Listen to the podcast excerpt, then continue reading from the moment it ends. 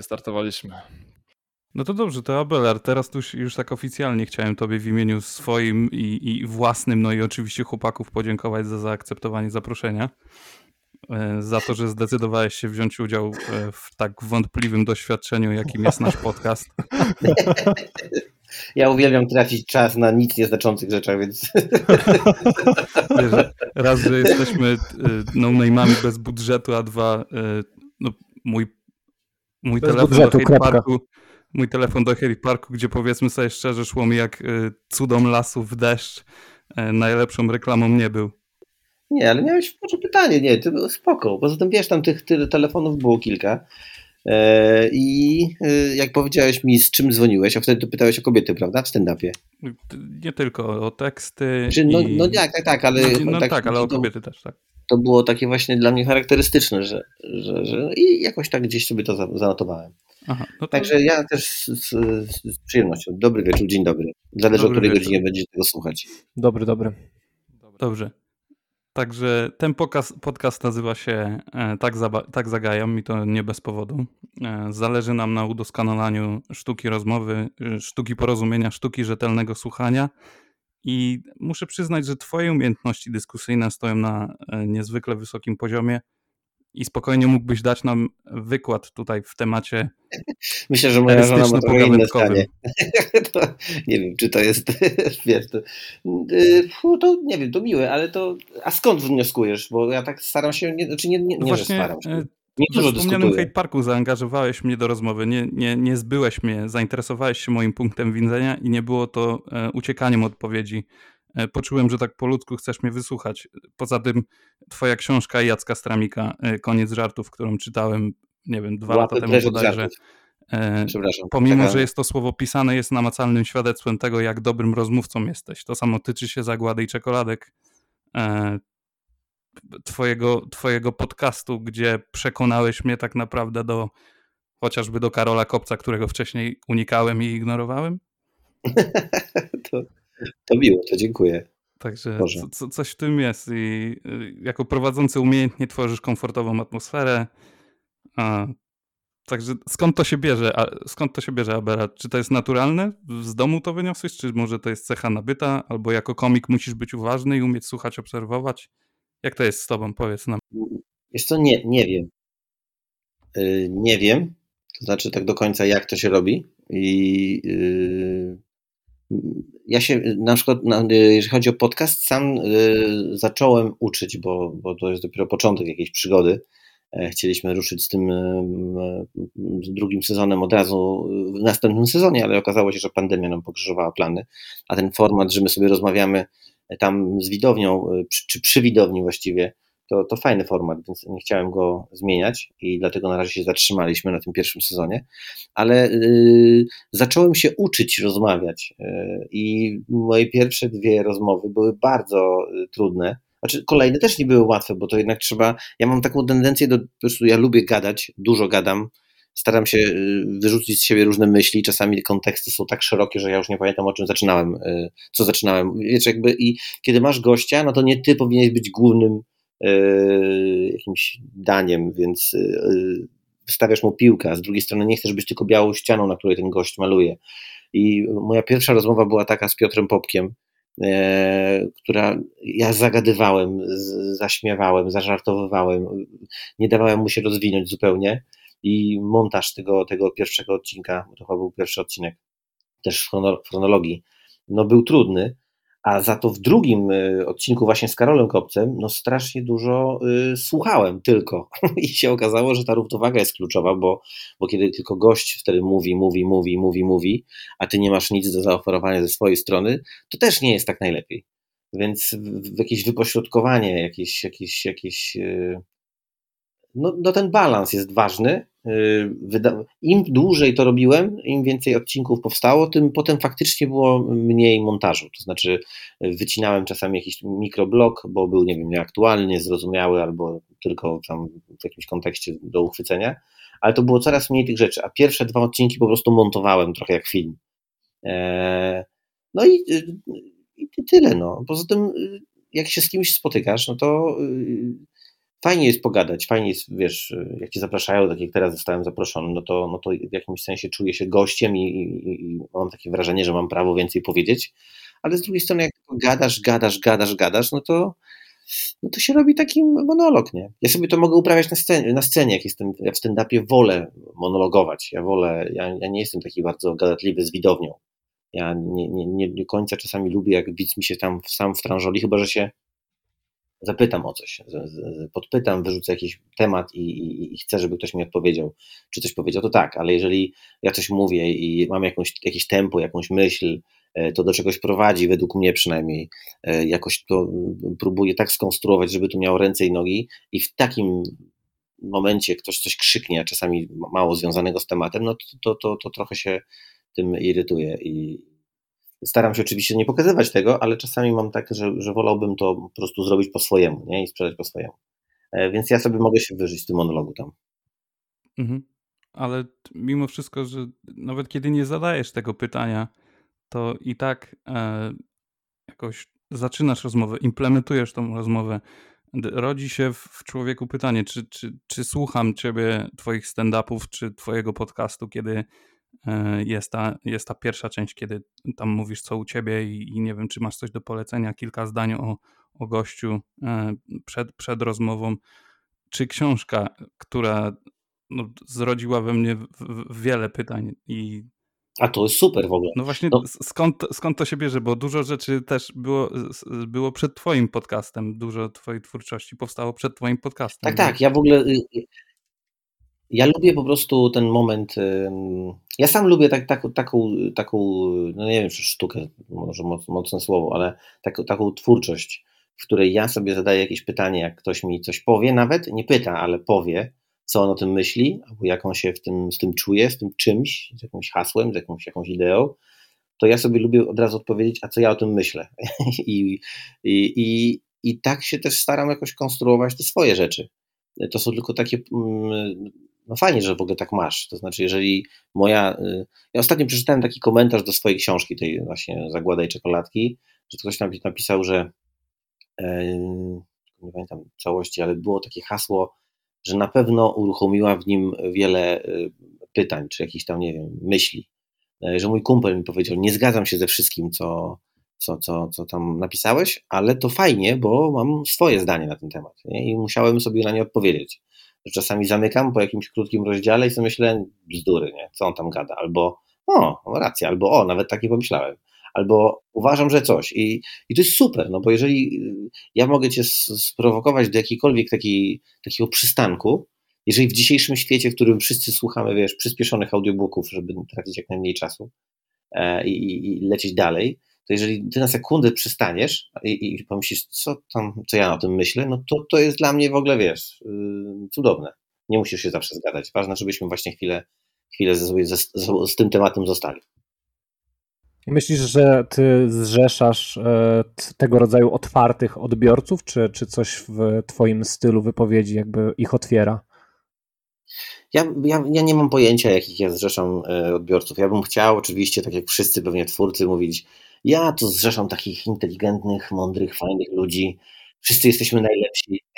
Dokładnie, nie? Ale ja nie wiem, kogo ja zrzeszam. Ja, y, ja po prostu no, myślę, że jest jakieś, wiesz, no, w dzisiejszym świecie, gdzie y, no, kiedyś jak stand-upu na przykład, no, mówię o, jakby konkretnie o stand-upie, jeżeli było nas y, kilku komików, no to trochę nie było wyboru. Jak lubiłeś chociażby tę formę, to już gdzieś, nie każdy oczywiście, ale tam kto, kto lubił, nachylał się nad nami i patrzył na nas jako grupkę i stwierdzał, dobra chłopaki, trzymam kciuki, w Ameryce jest was, jest ich tam tylu, a was jest tutaj 7, 10 czy 15, więc no więc dobra, no to jeszcze jest wszystko w powijakach, ale trzymam kciuki. Ale jak już jest teraz 50, 70 czy 100 komików, to każdy może sobie znaleźć kogoś, kogo lubi e, bardziej. Kiedyś byłem jego tam komikiem, którego się lubiło, a teraz ma takie dobre, na szczęście jest już ten i o to mi chodzi, a nie tam jakieś pieprzenie gizy. I super w sensie, nie? To jest, teraz jesteśmy w takim momencie, w którym jest taki wybór, że prawdopodobnie zrzeszam ludzi, których e, interesuje to, co mnie, powiedzmy, bawi to, co mnie. No i tak jest, i to jest okej. Okay, no. Nie wiem. Tutaj nie targetujesz swoich odbiorców, jakby czekasz tak naprawdę... No, nie, no jakoś targetuję tym, kim jestem. Tym, kim jesteś, tym, właśnie zrobiłem. o to chodziło. Tak, tak, tak, tak. No to y, jakąś swoją twórczością, jakimś takim, nie wiem jak to powiedzieć, bo to jest bardzo brzydkie słowo, odsiewem, ale ja y, raczej w tym kierunku pewnie idę, czy szedłem przez jakiś czas. To znaczy, jak skończyła się kabaretowa moja kariera, byłem w takim momencie, gdzie ten stand-up trochę już rósł no i ludzie mnie znali, wiesz, ze sketchów o, Hitler, o Hitlerze, mhm. o, nie wiem, o dresiarzach i tak dalej. Tak. I to też ja jakby cieszę się z tego etapu swojego życia. Gdzieś tam udało się uruchomić taką grupę ludzi, że, że oni się po prostu zaczęli pojawiać na moich występach solowych. Ale wiesz, potem zrobiłem kilka takich projektów, jak, nie wiem, Kryzys, właśnie jak Łapy precz od żartów, ta nasza pierwsza książka z Jackiem, która nie była wcale taka łatwa i taka lekka i zabawna i przyjemna. E, kryzys też nie był taki prosty, czy prosty, może był prosty, ale nie był taki klasycznie śmieszny. E, staram się, żeby ten mój stand-up też, no nie wiem, no, to co ja się staram, a to co wychodzi to już jest inna sprawa, ale chciałbym, żeby on był też taki trochę bardziej czasami pod włos, e, no, daleko jeszcze do takich najlepszych tam wiadomo mistrzów, ale no gdzieś będę szukał, żeby to nie było tylko i wyłącznie o sraniu, chociaż bardzo lubię. E, I, mhm. i, wiesz, no i, i, jeżeli są ludzie, którzy zostają ze mną, bo, bo, bo lubią sobie taki klimacik, wiesz, no zrobiliśmy ostatnio z Wojtkiem Tremiszewskim słuchowisko o, o, o wadach tak. e, i też nie każdemu to pasuje, nie? ten klimat mhm. zupełnie. Niektórzy mówią, że super, a niektórzy, że w ogóle ich to nie wciągnęło. No i fajnie w sensie, no i, i, i to nie jest tak, że się zostawia, podejrzewam, swojego jakiegoś tam, nie mówię, że ulubionego, ale jakiegoś twórcę, z którym sobie, o mówisz, o lubię gościa, nie? I zrobi jakiś jeden projekt, czy drugi tam, a to mi średnio, to się już kogoś takiego zostawia. E, ale też zdaję sobie sprawę, że jest taki y, natłok, tak, tak dużo ludzi teraz pisze, y, y, opowiada, filmuje i tak dalej, i tak dalej, że jest, że jest takie zagrożenie, że ktoś po prostu powie, dobra, to już mnie to nie interesuje, to już gdzieś indziej, nie? Teraz na szczęście jest ten, tamten czy tamta no i super, w sensie wtedy sobie rozstajemy się, idziemy sobie gdzieś swoją drogą. Więc zostają, mam nadzieję, ze mną ci, którzy, którym gdzieś ta narracja moja pasuje. Dobrze, ale w takim razie ta mnogość, różność, różności, to stwarza to taką, wydaje mi się przynajmniej taką trochę hermetyczną e, strukturę, że każdy szuka podobnych sobie i nie wychodzi tym samym z jakiejś tam swojej strefy komfortu, ale z drugiej strony e, wydaje mi się, że e, komedia jest takim takim polem, które, które e, jakby, jakby to powiedzieć, mm, oprócz, oprócz tego, co, co, co, co chcesz przekazać, również możesz przyciągać samym humorem, tak, tak jak powiedziałeś, tą samą tą narracją. I tutaj jest, stwarza się e, miejsce na, na rozwój tego widza czy słuchacza. E, ty myślisz w ogóle o takich rzeczach, czy to podświadomie jakoś wychodzi, planując na przykład występy, planując, pisząc skecze, ile jesteś w stanie, jak bardzo jesteś w stanie wpłynąć na, na światopogląd w ogóle słuchacza czy widza? Jest taki rozdział w tej mojej książce teraz, w tej, tej zakładzie czekoladki, o tym właśnie, że mam wrażenie, czy mia... teraz już nie, no bo tam też wpiszę w puencie, że mam już inaczej, ale, ale miałem taki moment, że zastanawiałem się, czy to w ogóle ma sens mówienie o czymkolwiek innym niż o sraniu, spłycając to. Ale kiedyś też tak Junior Stopka, taki komik amerykański, powiedział, że po wyborach, które przegrał Hillary Clinton, jak wygrał Donald Trump, to powiedział, że no i dla ludzi, dla twórców, bo wszyscy, czy większość twórców amerykańskich była wtedy za Hillary, a przeciwko Trumpowi, e, i komicy, i muzycy, i tam, no mnóstwo ludzi, aktorzy i tak dalej. I właśnie on powiedział, że no i ten wpływ artystów na życie, czy komików na, na, na takie życie, to po prostu zostańmy sobie przy żartach o kutasach, no nie? bo to jest e, to, co innego mówimy, nie ma żadnego wpływu na ludzi. E, bo jednak wybrali Trumpa, tak to nie pamiętam do końca tego żartu, jak to było skonstruowane, ale to, to taki był sens. Ja też pomyślałem sobie, kurczę, no jeżeli ktoś przychodzi na mój występ i zna mnie już trochę i ma ochotę poświęcić czas i pieniądze e, mojej osobie, no to już trochę raczej wie, co ja tam robię i o czym gadam. I raczej nie będzie się w, specjalnie przychodził wkurzać, bo ja mam taki światopogląd, a nie, a nie inny, e, a on ma inny, ale, i będziemy teraz się ścierać. Nie? Jakby, no, to nie jest miejsce na to. Więc zakładam sobie, że mówię do jakiejś grupy swoich ludzi. I nie wiem, czy wpłynę na ich światopogląd, bo on podejrzewam, że jest gdzieś w miarę blisko, no, żebyśmy się po prostu nie musieli wkurzać nawzajem, bo to, bo to przecież nie, nie, nie, nie jest bez sensu. Więc czy ja wpływam? No finalnie w tym rozdziale, zdradzając puentę, mówię o tym, że warto i tak mówić takie rzeczy gdzieś czasami zaangażowane, czy takie, które ci leżą gdzieś na sercu, bo jeżeli mówisz to nawet do swoich ludzi, to i gdzieś wzmacniasz w tym. Y, oni widzą, y, zresztą ja to tak odbieram, dlatego że ktoś mi tak robi. Nie? To znaczy, że ja nie jestem taki mądry, tylko dlatego, że jak ja słyszę, jak wchodzi mój ulubiony komik na scenę i mówi mi takie rzeczy, które ja już wiem, nie odkrywa świata nowego, ale, ale gdzieś mnie nawet w tym potwierdzi, utwierdzi, to ja się lepiej czuję. to jest mi fajnie, to dostałem jakiegoś kopa, to jest nas więcej. To, to, to y, i, i dlatego, poza tym, no wiesz, mistrzem dla mnie, jednym z największych mistrzów jest Louis C.K. w swojej artystycznej drodze, bo facet potrafi opowiadać o bardzo wysokich i bardzo niskich rzeczach. E, przeplata je doskonale. Zresztą, bo to nawet też mówiłem w tym Hate Parku i to też często powtarzam w takich rozmowach. I wiesz, dla mnie to jest, to jest, no to jest ideał. Nie? To, to jest coś, gdzie nie chodzi o to, żeby ta, na hama teraz to robić tyrady jakieś polityczne, czy jakieś światopoglądowe, no bo to musi być rozrywka, to musi być stand-up, jeżeli chodzi o, o powiedzmy stand-up, no bo yy, wszystko się gdzieś tam, ja, ja, tak skaczę właśnie, tu mam książkę, czy tu mam słuchowisko, tu mam jakiś serial internetowy i tak dalej, więc staram się też trzymać w, w tych ramach. I no i w stand-upie ważne jest to, żeby to było śmieszne. Yy, to jest kluczowe tak naprawdę, jeżeli będę walił jakieś, no jest taki, nie wiem, czy widzieliście taki special e, Hannah Gatsby zrobiła na net. E, na Netflixie chyba to jest. No to jest bardzo intensywny, potężny, mocny przekaz tam jest. E, no, no, no, mi się bardzo podobał ten, ten, ten, ten, materiał, ale po pierwsze część moich kolegów stwierdziła, że to jest taki TED Talk, nie? to jest takie mądre i takie mało śmieszne. I to nie jest stand-up do końca. E, dla mnie to złamanie tej, tej formuły stand-upowej tu wyjątkowo zadziałało, bo, bo jest tym złamaniem. Gdyby każdy teraz stand-up tak wyglądał, to nie, to ja bym też się zmęczył, no bo, no bo się tak dobrze z tym nie bawię. Nie? Doceniam formę, doceniam złamanie, doceniam przekaz, siłę, emocje i tak dalej, ale no, ja bym też chciał na, stand-upie się pośmiać, więc jak oglądam Louisa C.K., który przemyca takie ważne rzeczy w doskonałych, śmiesznych i zgryźliwych hasłach, no to to jest właśnie to, do czego myślę no, ja bym chciał dążyć i myślę, że wielu komików osiągnąć taki poziom, wiesz, no to, to jest marzenie i, i cel. Więc y, czy, czy tworzę, nie wiem, bo właśnie takie pytanie, co ja myślę o tym, y, czy moja widownia wyciąga, to musiałbyś, wiesz, zapytać moją widownię, Jasne. Y, co, co myśli, bo, bo nie chcę im wkładać w usta czegoś, czego w ogóle nie myślę.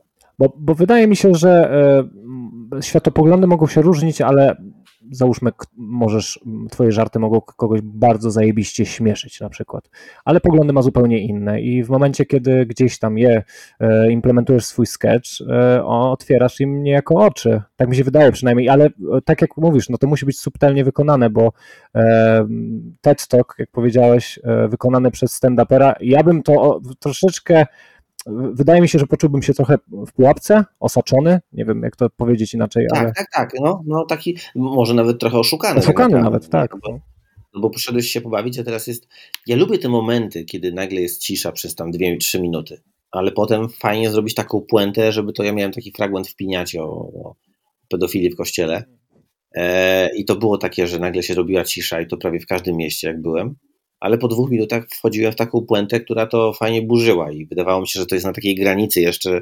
przyswajalności, nie? Że, że dobra, uff, no dobra, jest okej, okay, znowu jest śmiesznie, jest, czujemy się bezpiecznie, nie? Jest też Doug Stanhope, który mniej ma śmiesznych rzeczy niż Louis C.K., a ma bardzo taki intensywny przekaz, on też robi takie ostre przekminy. No i dla mnie to jest, on jest też mistrzem, jeden z moich, no nie wiem czy nie, nie ale ja też już mam spaczone trochę podejście, no bo jestem komikiem zawodowym, więc, więc też inaczej sobie to wszystko rozgrzebuję, nie? patrzę sobie, jak to jest skonstruowane, jak jest zbudowane i też coś innego. Ja na przykład miałem taką sytuację, jak ty mówisz a propos tego światopoglądu, czy przynajmniej takich różnych spojrzeń na jakąś rzecz, no to miałem tak z Billem Berem. Bill Bear, nie wiem, czy kojarzycie, jest, no, jest, to jest doskonały typ. E, no i właśnie on miał kiedyś taki monolog o, e, mówił, że ja kiedyś miałem tak, że mówiłem o niskorosłych ludziach, o, szukałem słowa na, na ludzi, bo, bo karzeł to się źle kojarzy i tak dalej. E, no i próbowałem tak chronić czy obronić trochę, a słyszałem w tym samym czasie, jak zrobiłem ten monolog, jakoś mi gdzieś tak wpadło stary numer Billa Bera, który mówi o tym, że właśnie powinni ludzie e, tego wzrostu mówić, że są karłami, że to jest, jestem dumny, nie? I, I nie zgadzałem się z tym, ale tak to śmiesznie zrobił, tak fajnie to zrobił, że no wiesz, że, że słuchało mi się tego fajnie. Yy, przyjąłem ten punkt widzenia, nawet go stand-upowo zrozumiałem. Yy, stwierdziłem, fajnie sobie to przekminił, fajnie sobie to przygotował, rozbawił mnie. Czy ja się dalej z nim zgadzam teraz, czy on mnie przekonał? Nie do końca, ale fajnie usłyszeć drugą stronę, nie? To też jest y, ciekawe doświadczenie. No w ogóle, jeżeli jakakolwiek, jakakolwiek twórczość wywołuje w tobie emocje, emocje, myśli, no to trochę o to chodzi. Jak ja wychodzę z występu i, i mam takie, no to co jemy teraz? To, to, to, to, jest, to trochę straciłem czas chyba. No. no. tak, chyba, że później jedzenie jakieś wyjątkowo smaczne z tego wyjdzie. E, a tak. słuchaj, bo powiedziałeś, że, że czujesz się popaprany e, trochę czasami w kontekście komedii i tego, jak ją e, przeżywasz, czy, czy, czy jak ją odbierasz. I powiedz mi, jak dla tobie, jakby doświadczonemu komikowi, zmienia zmienił się z czasem pogląd na samą komedię? I czy ją właśnie przeżywasz, czy raczej ją analizujesz w głowie, rozkładasz na czynniki pierwsze, tam komplementujesz tempo, jakąś narrację tutaj, jakiś żart i robisz taką, wiesz, kwerendę e, wartościowych mhm. E, z twojego punktu widzenia rzeczy? Czy w ogóle, jakie masz do tego podejście teraz? Im więcej e, nie analizuję jakiegoś występu, tym, to znaczy, że tym bardziej mi się podoba że zaczarował mnie ten ktoś, że, że porwał mnie, że ja się świetnie bawiłem, wychodzę, mówię, wow, co tu się wydarzyło? To to jest super. Nie? Czy to jest charyzma wykonawcy, bo nie zawsze tekst musi. Ja też nie jestem jakimś zwyrolem, że ja zawsze lubię o czymś. Nie, nie jakby ja lubię ten miks najbardziej, ale, ale kiedy to jest po prostu, kiedy to jest proste, ale y, ten ktoś jest po prostu takim magikiem, że cię złapie za mordę i cię rzuci na jakiś, wiesz, ocean emocji, czy, czy, czy właśnie takiego, takiego no to to jest super, to, to też daje się w to wciągnąć. Jak zaczynam sobie analizować, co teraz zrobił, czemu tak jest, no to już jest inaczej. E, potem lubię sobie o tym gadać. Lubię mm, z komikami gdzieś pójść po występie, a bywaliśmy czasami grupami na takich występach, właśnie byliśmy na Billu Berze, byliśmy na Chapelu, byliśmy na Louisie C.K.'u, na Douglas Stanhope, na kilku takich naprawdę no, dla mnie najważniejszych komikach aktualnie, którzy funkcjonują. No, miałem szczęście być. I y, mieliśmy rozmowy po tym, jak tu wszedł, jak zrobił to, a jak zagadał, a zauważyłeś, że jak palił, to mówił o tym, a jak nagle chował fajkę, to gadał o tym, a jak z, zagadał z heklerami, a co zrobił tu, wiecie, to, to jest, dla nas to jest taka szkoła na żywo, bo, bo innej możliwości nie mamy cała ta zabawa, cała, cały ten show jest dla nas, im bardziej się bawię i nie analizuję, tym fajniej, ale potem od razu wchodzi, wiesz, cały zestaw tablic, jak, jak Jacek Gmoch, rozrysowujemy, dyskutujemy i tak dalej. O, e, tak. tak to chyba jest. To myślę, że każdy, kto zajmuje się czymś w życiu, y, to, to, czy jak oglądasz film, no to ewidentnie jak jesteś historykiem, to wiesz, że nie było hełmów w tym kształcie, w tym wieku i to ci rujnuje pół filmu. Chyba, że fabuła jest tak świetnie skonstruowana, że masz w nosie, że hełmu wtedy nie było. I orientujesz się to, dopiero na końcu. To prawda, to, to znam z autopsji akurat. Znaczy, historykiem nie jestem, ale odkąd się zacząłem poważniej tak interesować właśnie e, historią e, średniowiecza późnego i, się zaangażowałem w takie prace rekonstrukcyjne, e, to faktycznie popsuło mi to kilka seansów. No, niestety. I to jest, to jest straszne. Ja chcę wrócić do tych pięknych, niewinnych czasów, ale ciężko. Naprawdę, naprawdę no to trudna sprawa. jest niemożliwe. Jednym ale... słowem, niewiedza jest zbawienna w pewnym sensie. Tak, tak, tak. tak, tak. No. Niewiedza jest zbawienna i warto kontrastować e, poważne kwestie z raniem od czasu do czasu. Tak, no, no jest bardzo fajne. Zresztą ja takich ludzi lubię w ogóle. Mam, mam takiego przyjaciela, no, no Wojtka mam mojego y, przyjaciela od lat, już 20, jak nie więcej. I właśnie to, jak on doskonale potrafi balansować między wysokim a niskim, wulgarnym a poetyckim, no to to jest. E, no, no chcesz słuchać każdej historii, którą ma do powiedzenia, każdego zdania, bo, bo nie masz pojęcia, jak się skończy. A, I tak. to piękne.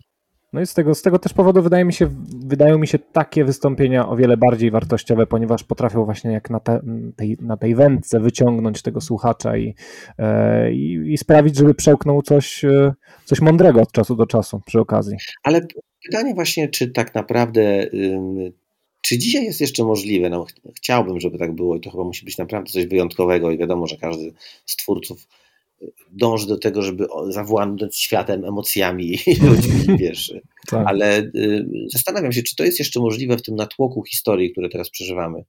E, nawet dobry serial obejrzę i mam na przeżycie go chwilę, bo za chwilę włączę następny, albo muszę już iść spać, albo odsłuchuję książkę, dziennie potrafię zniknąć w kilku opowieściach, bo to jest opowieść, oprócz takiej klasycznej prozy życia, to była opowieść mojego życia, w sensie dzieci, y, dom i, i, tak dalej, to chodzi mi o takie opowieści, wiesz, że tutaj słuchasz y, podcastu, za chwilę e, czytasz książkę, potem jeszcze wie, wieczorem serial i czy to jeszcze da się wszystko tak przeżyć?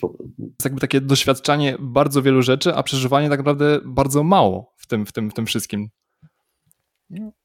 Natłok informacji. Wiem, że to jest klisza, to co no teraz no powiedziałem, no. bo to każdy to wałkuje od długiego czasu, no ale taka jest prawda. Każdy teraz jest pościg też za, za tym, kto więcej wie, kto więcej się dowie. A można to zrobić tylko i wyłącznie pochłaniając takiej ilości informacji w bardzo krótkim czasie, więc faktycznie e, potrzeba, wydaje mi się, jakiejś takiej, mm, takiej specjalnej etyki do tego wszystkiego, żeby, żeby rozgraniczyć sobie czas na na, na właśnie na, na pochłanianie i na, e, na przeżywanie.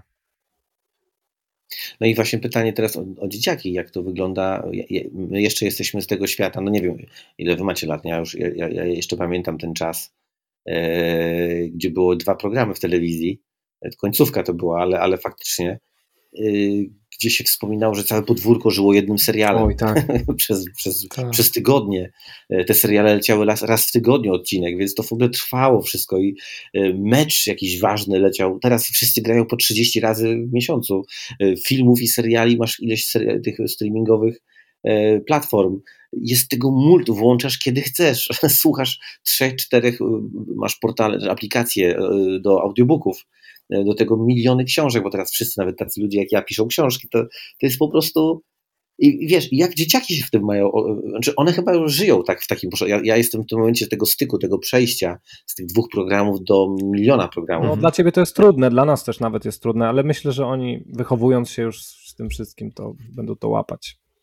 Tak mi się wydaje. Ale gdzie tam jest miejsce na to przeżywanie i co one będą przeżywać? Znaczy to, mówię to jako ojciec, nie? że mhm. jestem ciekawy i nie chcę marudzić absolutnie, że kiedyś to było, bo absolutnie nie o to mi chodzi, tylko jestem ciekawy, ciekawy, bo ja jeszcze tego nie złapałem, jak one sobie Ale jesteś ciekawy czy zaniepokojony? Nie, nie wiem, właśnie ja chyba się nie lubię tak bardzo zaniepokajać, bo, bo myślę, że tak samo moi rodzice patrzyli na nas, jak się właśnie pojawiło, wiesz, otworzyła się granica, y, i to tak mówię w przenośni dosłownie, y, po 89, w latach 90. nagle wjechały dziesiątki, y, wiesz, telewizja satelitarna, kolorowe czasopisma, no wszystko tam nagle, wiesz, strzeliło, amerykańskie filmy, seriale, książki można było normalnie kupować i tak dalej. No więc, y, no i sobie jakoś poradziliśmy. Mamy, jesteśmy w jakimś momencie takim, w którym chyba po prostu człowiek się przyzwyczaja, człowiek się do wszystkiego potrafi szybko przyzwyczaić i sobie radzi. One też sobie poradzą. E, tylko ja, czy sobie z tym mhm. poradzę, czy ja umiem y, ogarnąć ich e, emocje, no bo trochę do tego jestem, żeby próbować im e, pokazywać świat na razie, a widzę, że ja go sam coraz wolniej ogarniam. Zobacz, nie, nie boję się, one sobie powinny poradzić, tylko, tylko ten świat mnie ciekawi. Y, I zobaczymy za parę lat. Za parę A tak, z ciekawo, tak z ciekawości zapytam jeszcze, na przykład y, właśnie twoje córki obecnie są właściwie no, tak jakby podłączone pod internet w pewnym sensie, czy jakoś tak ograniczasz też ten dostęp? Czy... Staram się, staram się ograniczać, bo, bo jeszcze to nie jest takie potrzebne. Mhm. Nie? nie muszą wszystkiego sprawdzać. Pytają mnie, dlaczego chmura jest niebieska, biała mhm. i wtedy ja cichutko sprawdzam w telefonie i, i zaczynam opowiadać. I wtedy jestem taki mądry i fajny. Jasne. E, e, no, nie, nie, nie mają potrzeby, ale oczywiście, że wiesz, no, pomaga to, że jest Netflix i, i, jak, i nie jest tak, że jest o 19 bajka, pół godziny i koniec, tylko czasami, dobra, to usiądźcie teraz, obejrzyjcie bajkę, ja zrobię coś tam i zaraz się widzimy i tak dalej. E, albo pogadamy sobie o czymś, albo pogramy sobie w jakąś grę, bo, bo też takie rzeczy robimy, ale no ta technologia, y, no nie oszukujmy się, nie, nie, nie, nie zniknie. Dzisiaj zresztą miałem okazję właśnie parę godzin temu porozmawiać z Wojtkiem chwilę i o tym właśnie też mieliśmy chwilę do, do pogadania, że, że chyba nie da się tego uniknąć. Po prostu trzeba się jakoś w tym odnaleźć i spróbować znaleźć swój sposób na to, ale teraz udawać, że jesteś y, na bezludnej wyspie bez tego wszystkiego, no, no nie, szkoda, bez sensu. Znaczy to, to prawda, faktycznie jakby ciężko teraz rzeczywiście od tego odejść. Natomiast gdzieś tam w, z mojego doświadczenia rzeczywiście widzę natomiast, że e, no ten kryzys uwagi obecnie też jakby następuje, bo ciągłe bodźcowanie w jakimś sensie no trochę ogranicza tak naprawdę rozwój człowieka w postaci tego, że on nie odkrywa samego siebie. I to jest moim zdaniem trochę jakieś problematyczne, jeżeli chodzi o nasze czasy rzeczywiście. E, nie wiem, mogę podać tu jakiś przykład, gdzie tak zwanego multitaskingu, gdzie faktycznie dostrzegam, nie wiem, dziewczynę w wieku 16 lat, która robiąc jakieś zadania domowe, jednocześnie ogląda Netflixa i jednocześnie jest na Facebooku. No, gdzieś wydaje mi się, że ta granica powinna przebiegać faktycznie, chociaż oczywiście nie wiem, czy tak jest ogólnie, nie wiem, jak to statystycznie wygląda. Natomiast mi się wydaje, że jednak tego jest bardzo dużo obecnie. No jest dużo i tej ilości na pewno nie przeskoczymy. To chyba już jest po prostu po ptakach, już za późno. Mhm.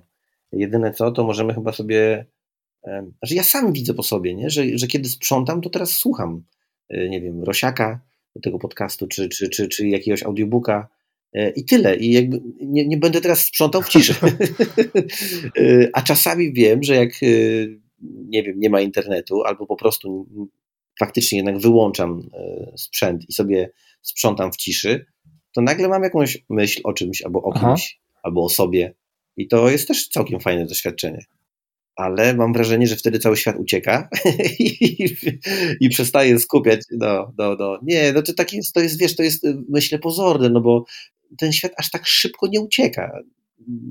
A poza tym ja chyba nie chcę być cały czas na topie, najszybciej, najgłośniej, na najmocniej i tak dalej. Bisz, mój ukochany raper, y, mhm. ulubiony, E, miał, ma teraz, miał taką płytę z Radexem wydali, ostatnią, jak, nie pamiętam teraz, nie chcę palnąć, ale właśnie mieli numer na marginesie i on właśnie miał świetny numer o tym, że on lubi tak na marginesie i to na marginesie było, myślę, wielu, na wielu płaszczyznach i, i tak, i to jest fajnie czasem być na marginesie, gdzie nie, nie jesteś w centrum, że ty że nie, nie trzeba cały czas być na bieżąco, bo ci mózg mm, wyskoczy, nie jesteś maklerem na Wall Street, tak. nie?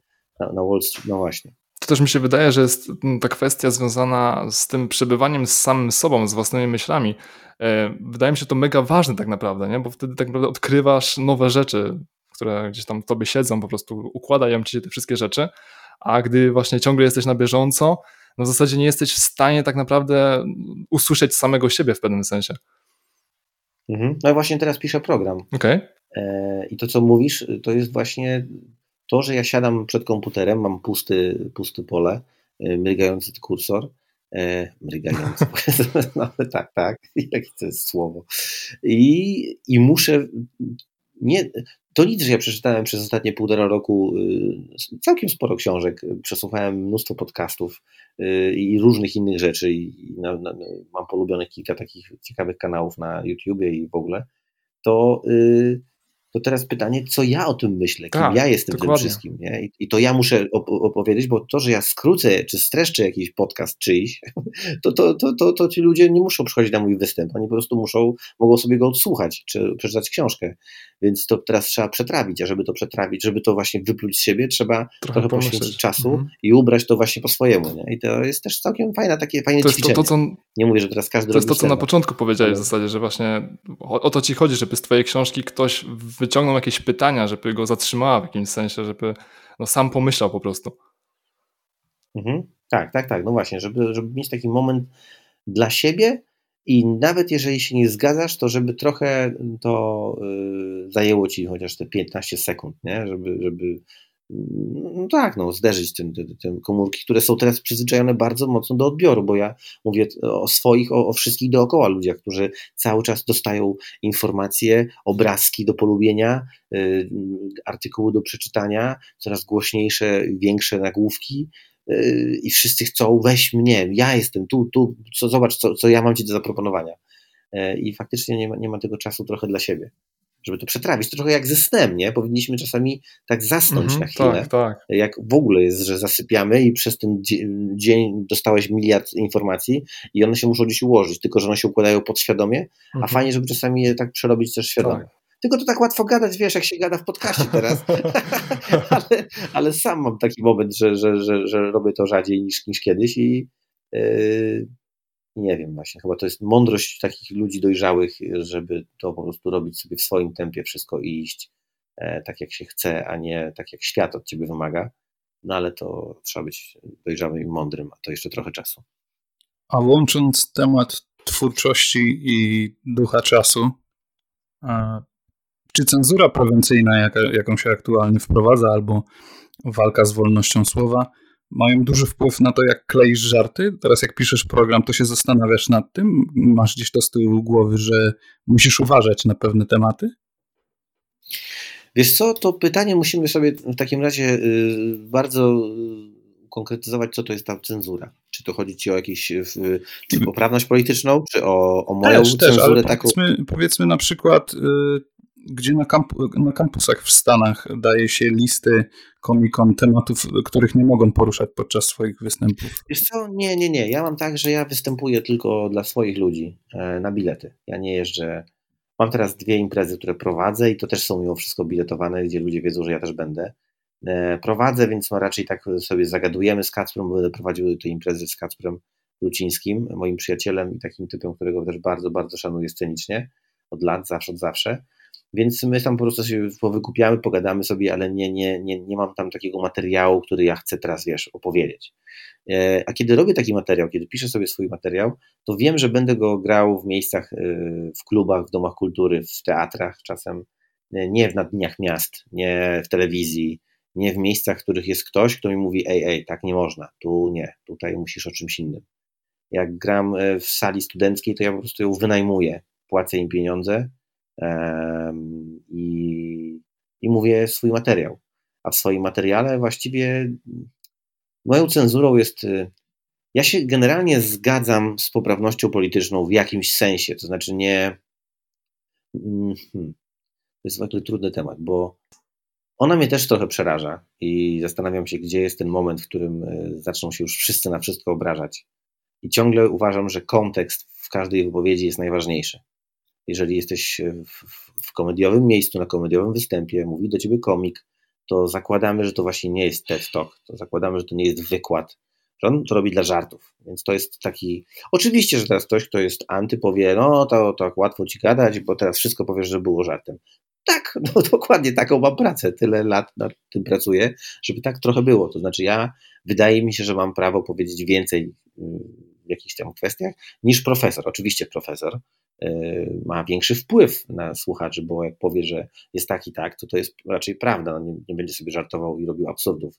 Ja czasami jak przemycam poważne rzeczy, takie na, na poważnie, to też staram się opierać na jakichś faktach, ale ja nie mogę zrobić tak jak profesor researchu kilkudziesięciu lat, no bo, no bo, no bo nie, ja po prostu tylko za, zapalam tematy, zarzucam, e, robię sobie research, czytam, badam, sprawdzam, ale jak masz inne badania z 1973 z Gruzji, no to prawdopodobnie były takie badania, możliwe, że były, nie wiem, nie jestem w stanie wszystkiego przewalić, nie? więc ja tylko tak trochę wypuszczam i, i żeby, żeby, to też zresztą piszę w tym, w, w tej zagładzie, że jak chcesz faktów, to włącz Discovery. Ja jestem komikiem, ja trochę coś zapuszczę, potem wrócę i trochę się kryję za żartami. I jakby, i trudno, no, na taki występ przyszedłeś.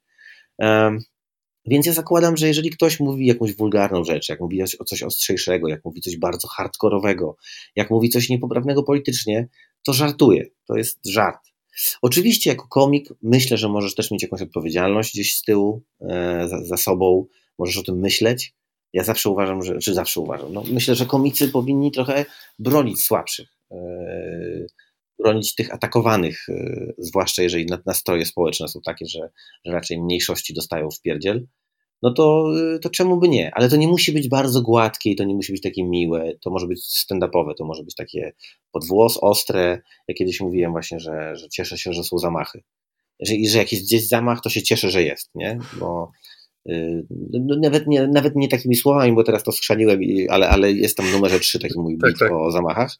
No i tam właśnie powoli, i to jest taki, że ludzie robią hmm, taką minę, wiesz, ja ich biorę pod włos i potem opowiadam, że no bo gdzieś był zamach, ktoś umarł, a ja żyję, więc okej, okay, wolę taki zamach niż ten, w którym bym zginął.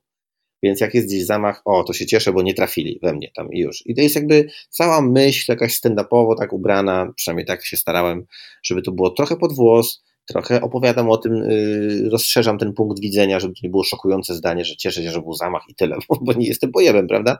Więc wiadomo, I, I, lubię takie coś, lubię takie zapuszczanie w takie trochę ciemniejsze rejony. Zresztą to, o czym gadaliśmy, o żarty o, o sraniu, o kutasach i o, o, bardzo hardkorowych rzeczach, też są śmieszne, o martwych dzieciach, są śmieszne, są czasami tak podane doskonale, e, właśnie jak robił Louis C.K. na przykład, że, że no, no, no sorry, ale to jest bardzo śmieszne. I teraz mhm. gdyby to powiedział papież, albo gdyby to powiedział premier, no to, to, to byłoby dość mroczne, mhm. ale jeżeli to mówi komik na występie, to spoko. Mhm. E, I, I tutaj nawet się uczę takich żartów. Chciałbym takie mocniejsze rzeczy mówić. Chciałbym być jeszcze bardziej wyrazisty i, i taki bardziej hardkorowy czasami, bo bardzo mnie to bawi, bardzo to lubię. I tutaj staram się nie ograniczać. Tutaj sobie szukam jeszcze mocniej. W wydźwięku chciałbym nie pochwalać y, dla mnie, według mnie, złych y, postaw, no, rasizmu. Można zrobić, wydaje mi się, ciągle żart, który tam się ociera e, no, ociera o rasizm. O tym mieliśmy właśnie dużą dyskusję z Jackiem Stramikiem w tej książce naszej, hmm. więc to też zapraszam sobie do lektury, e, bo teraz w dwóch zdaniach tego nie opowiem. No ale wydaje mi się, że czasami można sobie na więcej pozwolić właśnie na tej komediowej scenie, e, ale finalnie chciałbym chyba bronić jakiegoś takiego, no nie wiem, humanizmu, to może mocno powiedzieć, ale wiecie o co chodzi, takich postaw, no że bronimy postaw trochę tych słabszych, no, coś takiego, no, no wiesz, no są różne postawy moralne, ale tak, y, coś, myślę, że wiecie o co, o co mi chodzi. Tak, tak. A. a ja na przykład zrobiłem sobie to tylko ostatnio kończąc zdanie, bo a propos tej cenzury, no to zrobiłem sobie teraz taką cenzurę w głowie, y, czy jestem w stanie napisać materiał i to sobie szukam tego, bo już widzę, że chyba nie jestem w stanie, bo bardzo to lubię, ale a propos wulgaryzmów, czy, czy, czy mógłbym bez, albo czy mo, mo, mogę to mocno ograniczyć? I, I tu sobie kombinuję, tu sobie zmieniam, skreślam, yy, yy, to robię i to jest ciekawe w, mojej głowie, yy, ciekawe doświadczenie, chociaż jest narzucone przeze mnie. To znaczy, to nie, to nie wiem, to może moja autocenzura. To jest to, że ja widziałem swoich parę występów i wydaje mi się, że gdyby tam zelżyć troszkę, ale utrzymać emocje, to byłoby super. A pytanie, czy to się w ogóle da zrobić, bo już mi parę razy to, aj, mówię, tu by się przydał jakiś chujek i super. E, e, no a jeżeli nie, no to, no to, no to może coś innego. Więc to, to taka cenzura, powiedzmy, nie? Rozumiem. No to w takim wypadku mam do Ciebie pytanie. Przypuśćmy, że od dzisiaj humor jest zakazany, żarty są niedopuszczalne, za stand-up idzie się siedzieć i czy, uh mhm. -huh. czy godzisz się z tym? Godzisz się na życie o chlebie z cukrem, ewentualnie pasztetową, ale mimo to szukasz grań i występujesz gdzieś po piwnicach? Czy jednak idziesz w szybki kurs wbijania gwoździ i kładzenia tapet? Nie mam pojęcia. Wierzę, że walczę i mam w dupie pasztet, potrafię jeść, wiesz, suchy chleb i i jeżdżę po, po, po dziwnych małych miasteczkach i próbuję to zrobić, ale to jest taka szlachetna postawa gościa, który sobie stoi z boku i, i wierzy, że jest lepszy niż, niż może jest. Więc e, nie wiem. To jest trochę jak pytanie, czy ja bym e, nie wiem, ukrywał Żydów e, w czasie wojny, czy nie. Chciałbym tak robić i chciałbym, bo uważam, że to było fajne i szlachetne, ale czy miałbym jaja, żeby to zrobić, gdyby podszedł ktoś i powiedział, że mi zastrzeli rodzinę, jak będę to robił? Y, no nie wiem, nie? Znaczy, to są ekstremalne, oczywiście, no ja przy, przy, przywołałem taki przykład właśnie dlatego, żeby e, pokazać, jak bardzo możemy być, e, no byłbym ostatnim, który, który e, chyba mówi ludziom, że robią źle, jeżeli robią inaczej w takiej sytuacji, bo, bo nie masz pojęcia, co byś sam zrobił. Chciałbym być fajny, szlachetny i robić e, stand-upowe takie te e, wieczorki tajemne, ukryte, ale, ale no ale nie wiem, kurczę. Rozumiem. Jeszcze, jeszcze to może wrócę w tym wypadku do tego brania pod włos i chciałbym zahaczyć o Muchelenę. E, może też wyjaśnię od razu, czym jest Muchelena dla tych, którzy nie wiedzą. Też wspominałeś troszkę, ale może troszkę więcej detali. Ośmiodcinkowe słuchowisko, które stworzyłeś z przyjacielem, mogę tak nazwać, Wojtka tak, Tremiszewskiego? No, no pewnie. Ze swoim przyjacielem. E, Ale też niezależnym twórcą. To też nie jest tak, że on po prostu jest tam w tym, dlatego że jest moim przyjacielem. Oczywiście.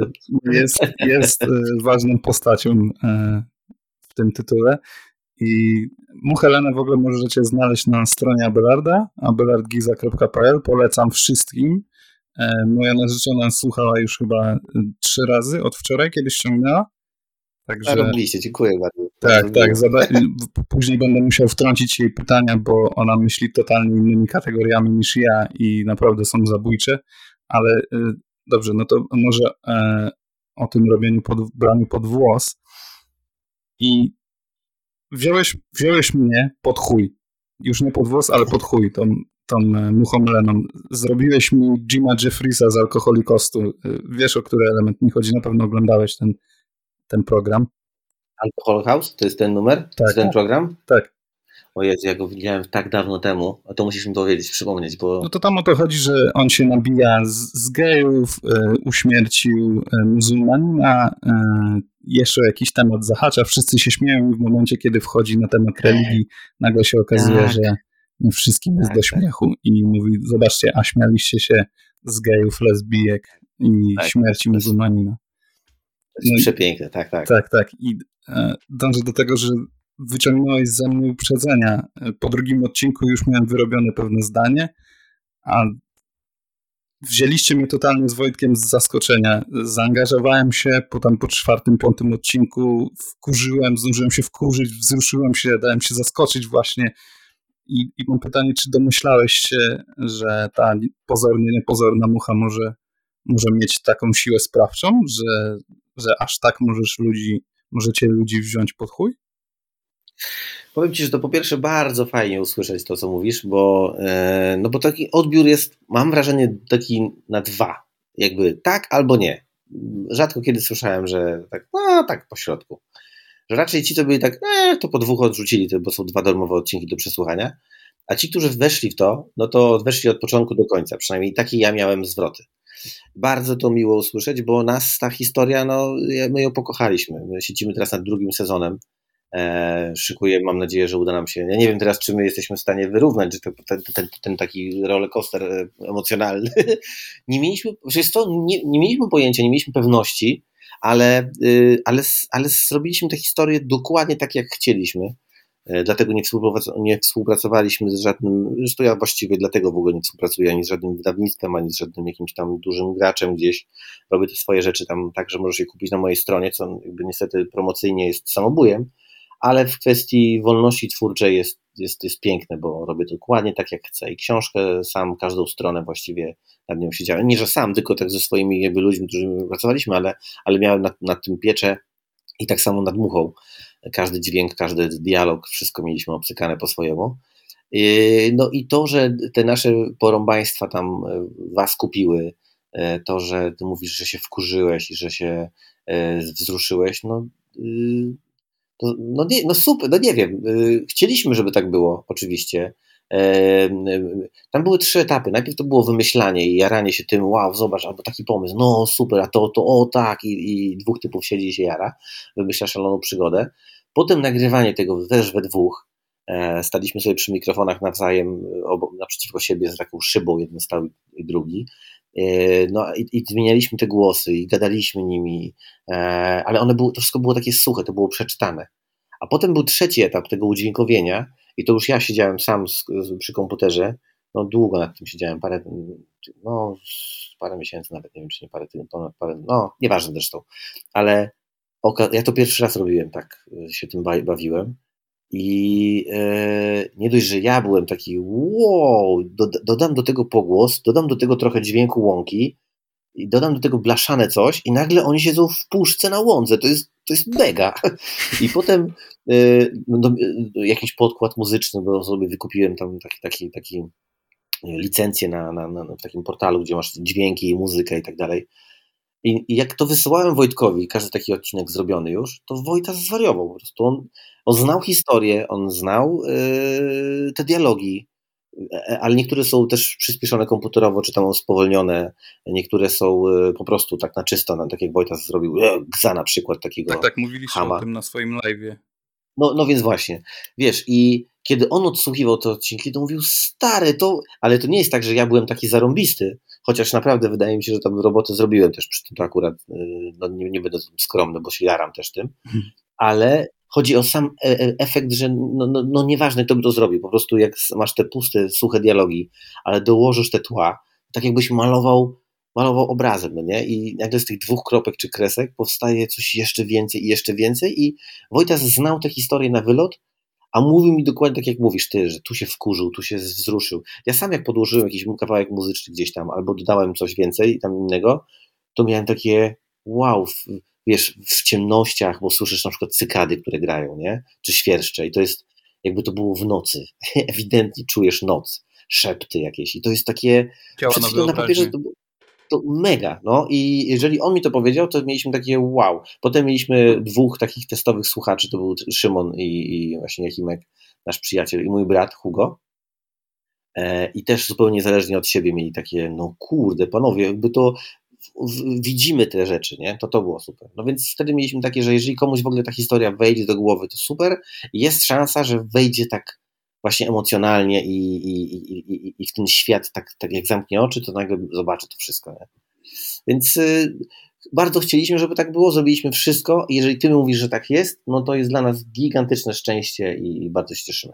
Je- Jest tak, zdecydowanie jest tak. I a propos tego wyobrażenia sobie rzeczy, ja muszę zadać te pytania, bo sam bym o tym w ogóle nie pomyślał. Pewnie gdzieś to pominąłem, może, może skupiłem się na innych rzeczach, ale moja narzeczona po przesłuchaniu, e, po przesłuchaniu Muchyleny zadała dwa pytania mi.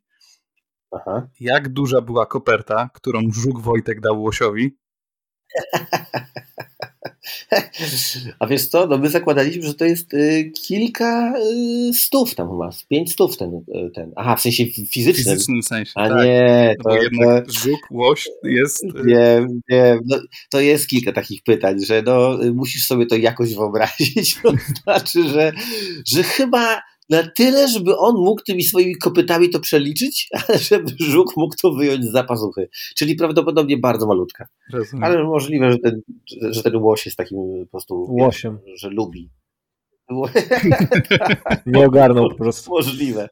Kurczę, ale wiesz co, tam było kilka takich jeszcze bardzo nielogiczności dużych, ale, ale wydają nam się one na tyle urocze, że stwierdziliśmy, że Tak, to tak, zostawiamy. tak, oczywiście, że są urocze, zwłaszcza to mieszkanie ślimaka, gdzie tam chodzicie po schodach i w ogóle to jest genialne. To Tak. jest, to jest tak to, co genialne. nas, co nas najbardziej, ale to, to, to, to fajnie, ale to, co nas naj- najbardziej tam roz, rozbawiło, to to, że jest sobie ślimak, bo to też wyjaśnię wszystkim, którzy słuchają teraz, że jest ślimak.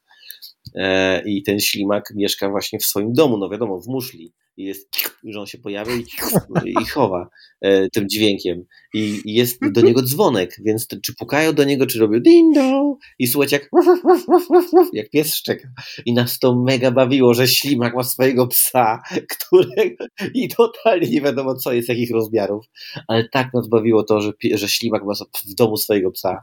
Ach, no, więc to takie nielogiczności, które nam po prostu nam wpra- wprawiały nas w gigantyczną głupawkę i, i radość.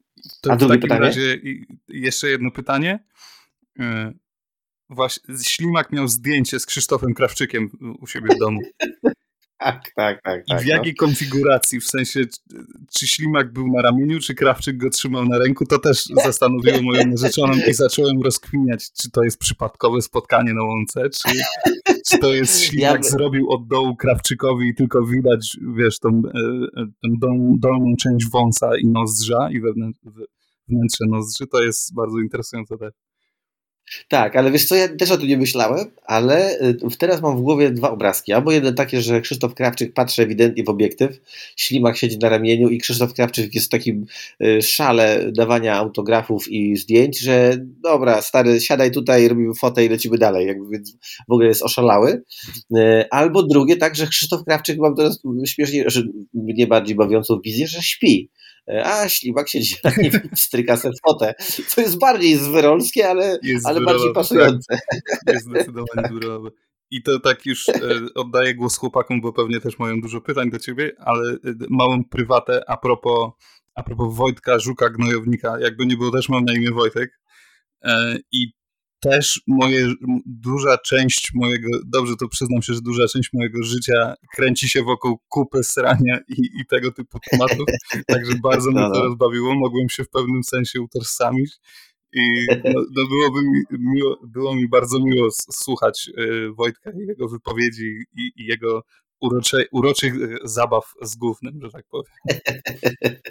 To bardzo się cieszę. Chociaż a propos już jeszcze tematu gówna, to mnie bardzo bawi to, że Mucha właśnie a propos też tego, co mówiliśmy wcześniej z Łosiem spotkania, Tak. że Mucha dopiero wtedy orientuje się, że gówno jednak nie rośnie na, na ulicach, y, tylko po prostu ktoś je robi i ona jest w szoku i tak. od tego momentu przestaje jeść, w sensie nie chce tego już więcej jeść. I to nas bardzo bawiło, tak. jak to wymyśliliśmy. To jest taka no, alegoria, także... to jest taka alegoria do ludzi, którzy się dowiadują, że pewne produkty, które spożywają są totalnym śmietnikiem. Dokładnie. Albo wiesz, klasycznie mięso i wegetarianizm. Tak, no. Ale tak, do, do, do, do wolności interpretacji. Tak. Kurczę, bardzo to miłe w ogóle, bo szczególnie, że, że, że teraz jesteśmy daleko za tą muchą już, bo premiera była w lutym. E, I no i te pierwsze emocje gdzieś tam, e, e, wiesz, spłynęły z nas, każdy poszedł w swoje inne projekty.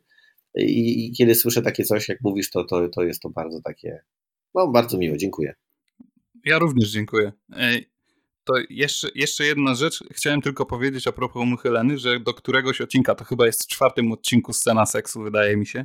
Do czwartego odcinka myślałem, że no mimo tam kilku przekleństw można to spokojnie puścić dzieciom. Ja, ja, my dzieci jeszcze nie mamy, ale po prostu pomyślałem, że jako taka forma rozrywki, może też trochę y, forma dydaktyczna i trafiło i, i scena seksu właśnie wpadła w ucho i, i ten element, i ten, i ten moment, kiedy, kiedy ty mówisz? Tak, ty mówisz, trzepocz mi skrzydłami po jajach. W ogóle wykręciło mnie to na drugą stronę całkowicie.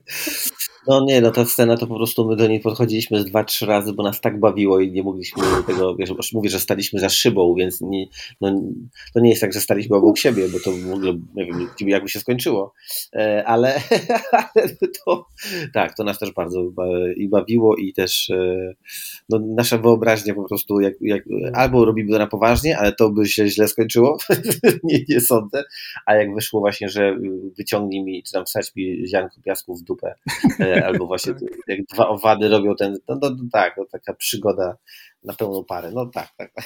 Jedna z naszych ulubionych scen również. To całe szczęście, że nie macie tych dzieci, bo byś puścił.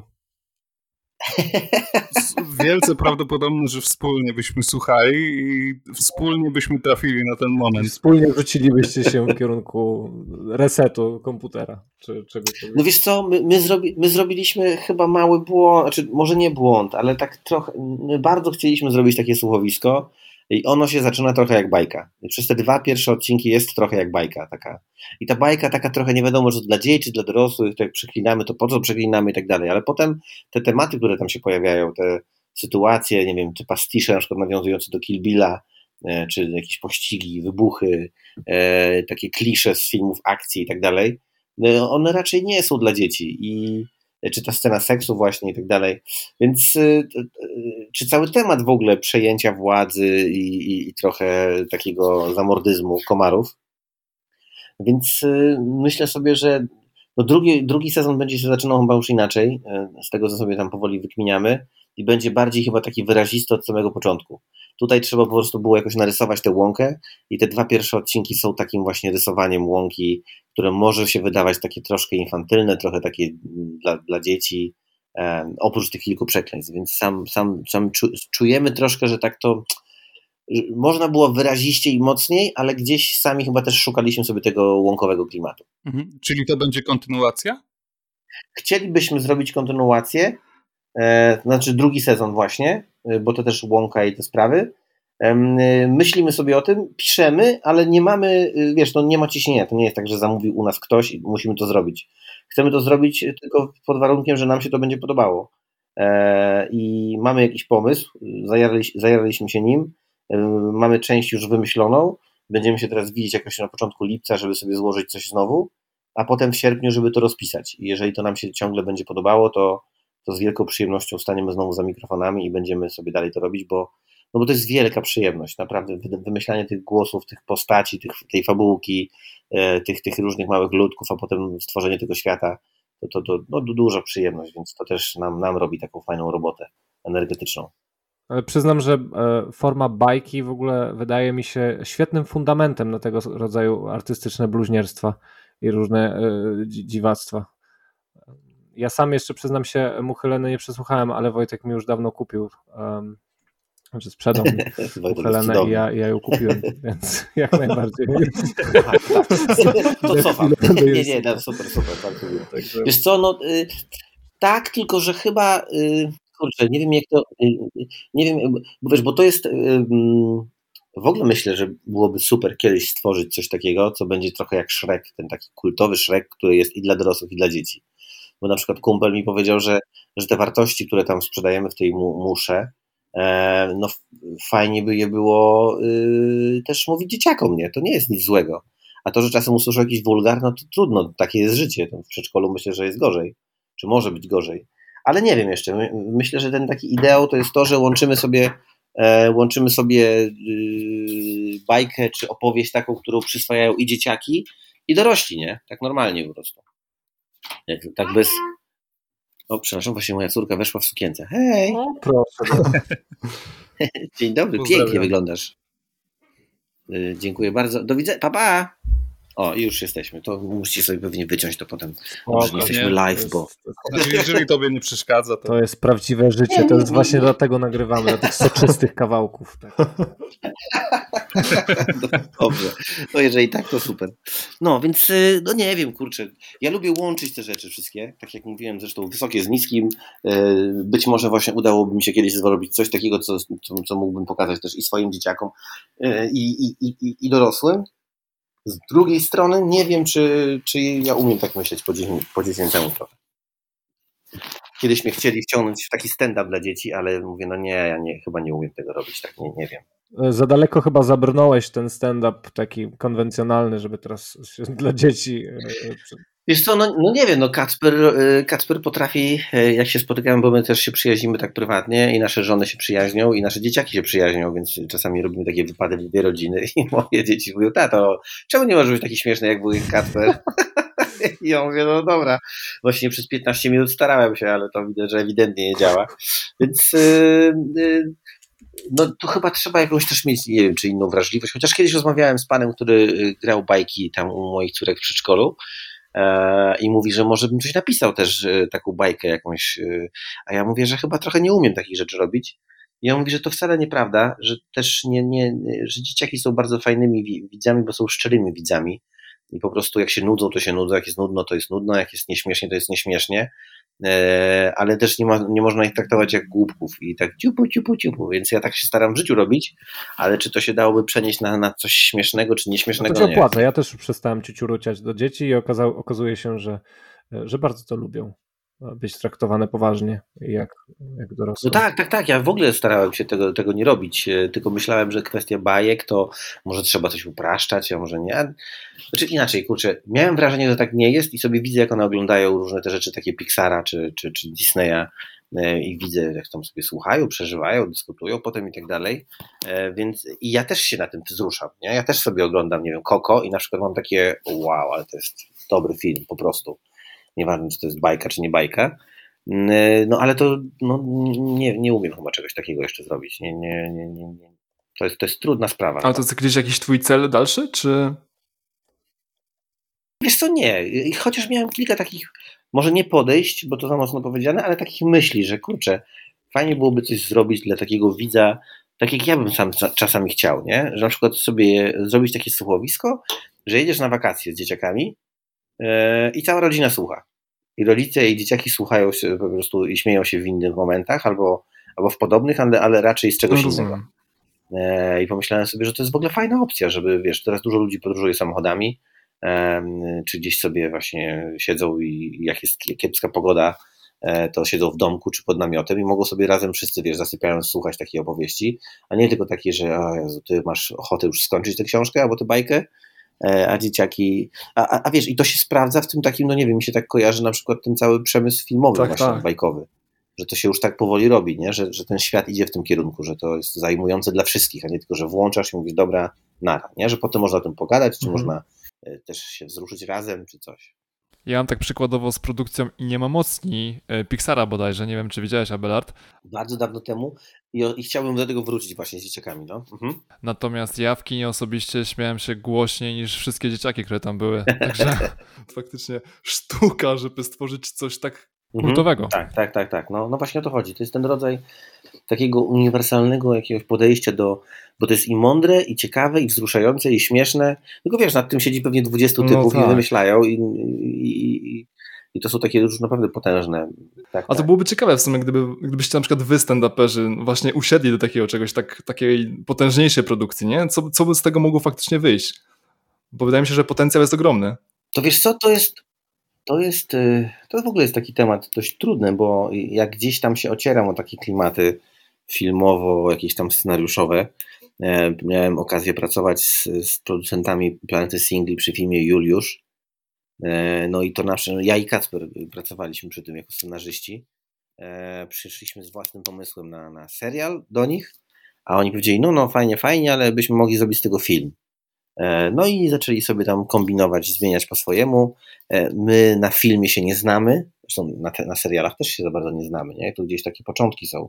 Jednak humor sceniczny, humor na scenie jest czymś innym niż humor na ekranie, e, czy żart, czy podanie go i tak dalej, i tak dalej.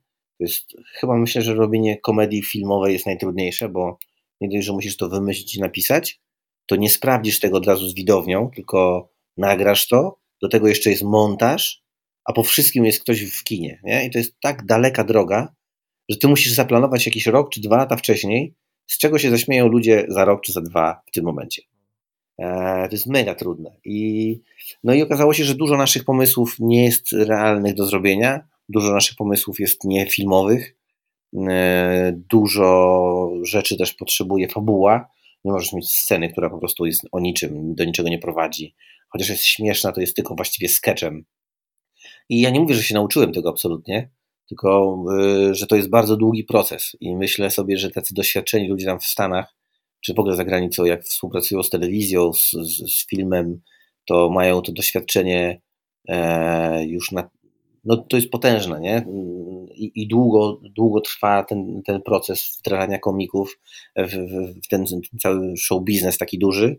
E, i, I też są duże właśnie takie no, zespoły tych ludzi, którzy tam od lat pracują. Louis C.K. kiedyś pracował dla Conana O'Briana, nie? Pisał gdzieś tam pro, pro, jego program. Więc y, zanim zrobił Louiego, jeden z moich ukochanych seriali w ogóle w historii, no to y, pracował przy, zrobił Lu, Lucky Louis dla HBO chyba, to był jeden czy dwa sezony, chyba jeden. I to jest taki dość średni sitcom, e, który też opowiada o Louim, nie? Tylko, że w zupełnie innej formie. Więc myślę, że to są lata doświadczeń i za parę lat jak widzę, jak komicy powoli zaczynają robić te sketch showy wszystkie, jak tam y, ogarnia 107, taka ekipa od nas z Trójmiasta, e, czy no, no, no, pojawiają się takie różne tam formy już sketchowe na, czy takie, na przykład jak Michał Leja robi ten program taki y, na swoim kanale na YouTubie, coraz bardziej się oswaja, czy właściwie już teraz to jest taki stary wyjadacz, siedzi w swoim samochodzie i nagrywa takie monologi one są naprawdę bardzo, coraz lepsze, bardzo fajne, ale, ale też widzę, jak się też y, czuję swobodnie w tej formie. No to myślę, że za parę lat takiej, takiej działalności wszyscy będziemy gdzieś kawałek dalej znowu, nie? Tylko być może dopiero w następnym pokoleniu tych komików będzie wiedziało, z czym się je telewizję, z czym się je film, jak się robi serial i tak dalej, nie? Być może to jeszcze nam trochę zajmie, może my tylko przecieramy szlaki, e, nie wiem, sam jestem ciekawy, ale to na pewno jeszcze trochę, trochę musi potrwać żeby tu miał ręce i nogi. Jesteś reżyserem teledysków, filmów, e, jesteś e, komikiem, stand-uperem, byłeś w kabarecie, piszesz książki, masz swój podcast, masz swoje słuchowisko. Jesteś najbardziej wszech, wszechstronnym komikiem w Polsce? Wiesz co, po pierwsze, to wszystkie, połowa tych rzeczy to ja robię, czy właściwie tak, ja je wszystkie robię z, z radością i z jakąś tam z pasji i z, i z poszukiwania nowej formy, żeby się nie znudzić tą poprzednią.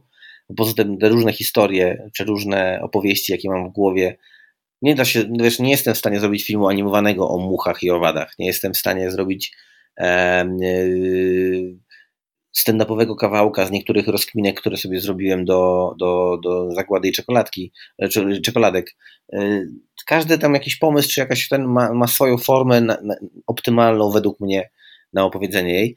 Czy, ale filmy na przykład, czy ten reżyser, bo to, to jest najtrudniejsze i to, to, to nie, no to ja robię takie kino super amatorskie, e, czy kino. Zrobiłem kiedyś kilka filmów, bo, bo, bo miałem pomysł, napisałem scenariusz, z kumplami się zebraliśmy i zrobiliśmy, więc to, to no nie, to, tam, to brzmi bardzo tak profesjonalnie jak Woody Allen, co to tam reżyseruje filmy, ale wolałbym, żebyśmy o tym mówili tak otwarcie i szczerze. E, w tym, czym się najbardziej czuję najlepiej, no to chyba właśnie w stand-upie mimo wszystko, bo najdłużej go robię i, i, i, i ma to znamiona największego profesjonalizmu, przynajmniej z tych rzeczy, które robię a cała reszta to są po prostu takie próby, wyskoki, zabawa e, i, i chęć podzielenia się różnymi tymi historiami. No i staram się robić jak najlepiej się da. to jest tak, że na przykład no z książką już, nie wiem, wydałem pierwszą książkę w wydawnictwie, teraz wydałem sam. E, zajęło nam to bardzo dużo czasu, bardzo dużo energii pochłonęło i zrobiliśmy dużo błędów. Już wiem teraz, jak to zrobić lepiej i prościej przynajmniej organizacyjnie, nie? więc to już jest y, taka nauka, która mi zostanie i będę sobie pewnie robił to dalej po swojemu, ale, ale myślę, że sprawniej. E, ze słuchowiskiem, no to jaramy się tym właśnie, bo to jest jeszcze inna rzecz, więc y, też y, ta forma nas tak ujęła, że, że będziemy znowu robić, bo bardzo chcemy. Uwielbiam ten płodozmian, bo, bo, bo się nie nudzę nawet w formie, nie nudzę się, jak miał całe życie siedzieć tylko wiem, przy książce, czy właśnie w słuchowiskach, czy to w pewnym momencie stwierdziłbym, że to jest gdzieś jakieś takie zapętlenie. A tak nawet w stand-up, jak robię sobie, wiesz, czwarty teraz, czy piąty, teraz robię piąty program swój solowy, no to on ciągle jest przerywany innymi rzeczami i tęsknię, wracam z radością, jaram się, cieszę i znowu się spotkam z ludźmi, to jest coś innego niż, wiesz, pisanie sobie tam gdzieś na komputerze książki, czy na przykład właśnie robienie sobie od słuchowiska i dopiero potem usłyszenia po pół roku, że ktoś mówi, ale fajnie mi to zryło beret. To jest, to jest super. A ta wszechstronność to jest takie bardzo, to jest takie zdanie, wiesz, ja myślę, że takie zdania pasują do Louisa C.K.'a właśnie albo do Ricka Gervaisa, nie? że to są ludzie, którzy robią seriale z, z nie wiem, y, filmy, y, piszą książki, czy właśnie robią jakieś takie y, czy podcasty na taką już skalę, na takim poziomie, że to po prostu są, no nie wiem, bardzo to. Myślę sobie, że wszyscy na razie jesteśmy w tym polskim stand-upie w takim miejscu, w którym macamy te wszystkie formy i formy, i tą naszą główną podstawą, jaką jest stand-up. Ciągle jeszcze trzeba szukać, ciągle jeszcze się zmierzać z, z, z tym, jaki on by mógł być tak naprawdę i jaki będzie pewnie za te parę lat. Więc y, myślę, że komicy są teraz w świetnym momencie zabawy, poszukiwań, radości, odkrywania nowych form, typu właśnie podcasty, bo powstaje ich coraz więcej, właśnie e, programy telewizyjne czy, tele, czy internetowe i to jest super, bo ta radość i ta naiwność i ta niewiedza daje nam e, energię, daje, wiesz, kopa, ale żeby to nazywać zaraz jakąś taką działalnością profesjonalną, to, to, to, to jeszcze jest kupa czasu. No. Chcesz mi powiedzieć, że nie jesteś dumny z teledysku do miejskiej giełdy? O kurczę, a to ja robiłem ten teledysk? Tak, brachu, peja, no i tam kobitki się wyginają w każdym. A to nie, to nie ja robiłem. To nie ja robiłem. Ale to jest pod gru... twoim nazwiskiem. Nie, to chyba grupa Impact po prostu robiła, ale ja tam chyba tego nie robiłem. Nie, nie, nie, nie, nie. Ja, ten, ten etap w ogóle robienia filmów czy teledysków ja robiłem dawno temu, właśnie kiedy mieliśmy taką totalną właśnie wolność, luz, chęć, yy, ale też mimo wszystko świadomość taką, że dobra, dawaj kamerę, robimy, nie? I super. ale potem nagle jak to wszystko zaczęło się profesjonalizować, jak całe kino offowe stało się już nie takie offowe, tylko stało się kinem niezależnym po prostu, ale nagle te filmy zaczęły mieć normalne, znaczy normalne jakieś tam porządne budżety, zaczęło się to kręcić do, do, dobrym sprzętem, to było do, dobrze nagłośnione, grają w tym prawdziwi aktorzy zawodowi, to tak, na takie miejsce, na takie amatorskie nasze szaleństwa, no trochę się skończyło, no nie chcesz się jakby gdzieś tam absolutnie mierzyć, a żeby wejść w ten świat i robić to na tyle dobrze, żeby nie było potem, wiesz, jakiegoś problemu z oglądaniem, no to, no to musisz poświęcić temu czas trochę, energię i tak dalej. Ja jestem najbardziej na razie dumny z, z tego swojego serialu Kryzys, który i tak y, ma mnóstwo rzeczy do, wiesz, pozostawia do życzenia. E, znaczy dumny, no to jest coś takiego, że się najmniej może wstydzę, powiedzmy. E, to może ale, tak bardziej. Przepraszam, ale podobne produkcje, w sensie pod względem budżetowym i te, tego wykonania takiego surowego, latają na Netflixie, więc równie dobrze i, i twój serial mógłby.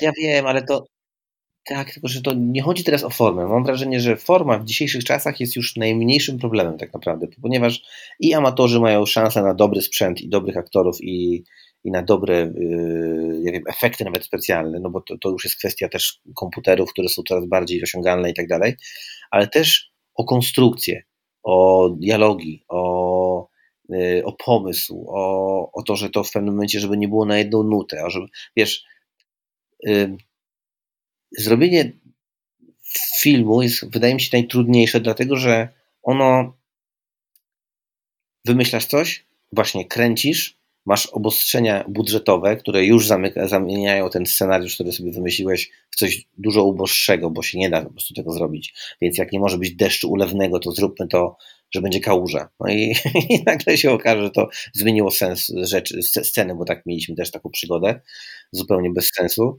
A do tego potem jeszcze czego nie nakręciłeś, albo źle nakręciłeś, albo co nie wyszło, yy, musisz ratować montażem, który też jest odrębną sztuką właściwie. I mam wrażenie, że yy, Oczywiście, że ja lubię takie rzeczy robić. Chciałbym znowu wrócić do takiego swojego amatorskiego, e, czy takiego no, niezależnego, powiedzmy, kina, tak? czy, tam, czy zrobić jakiś taki serial z ziomkami, bo bardzo to lubię, to jest też fajna energia.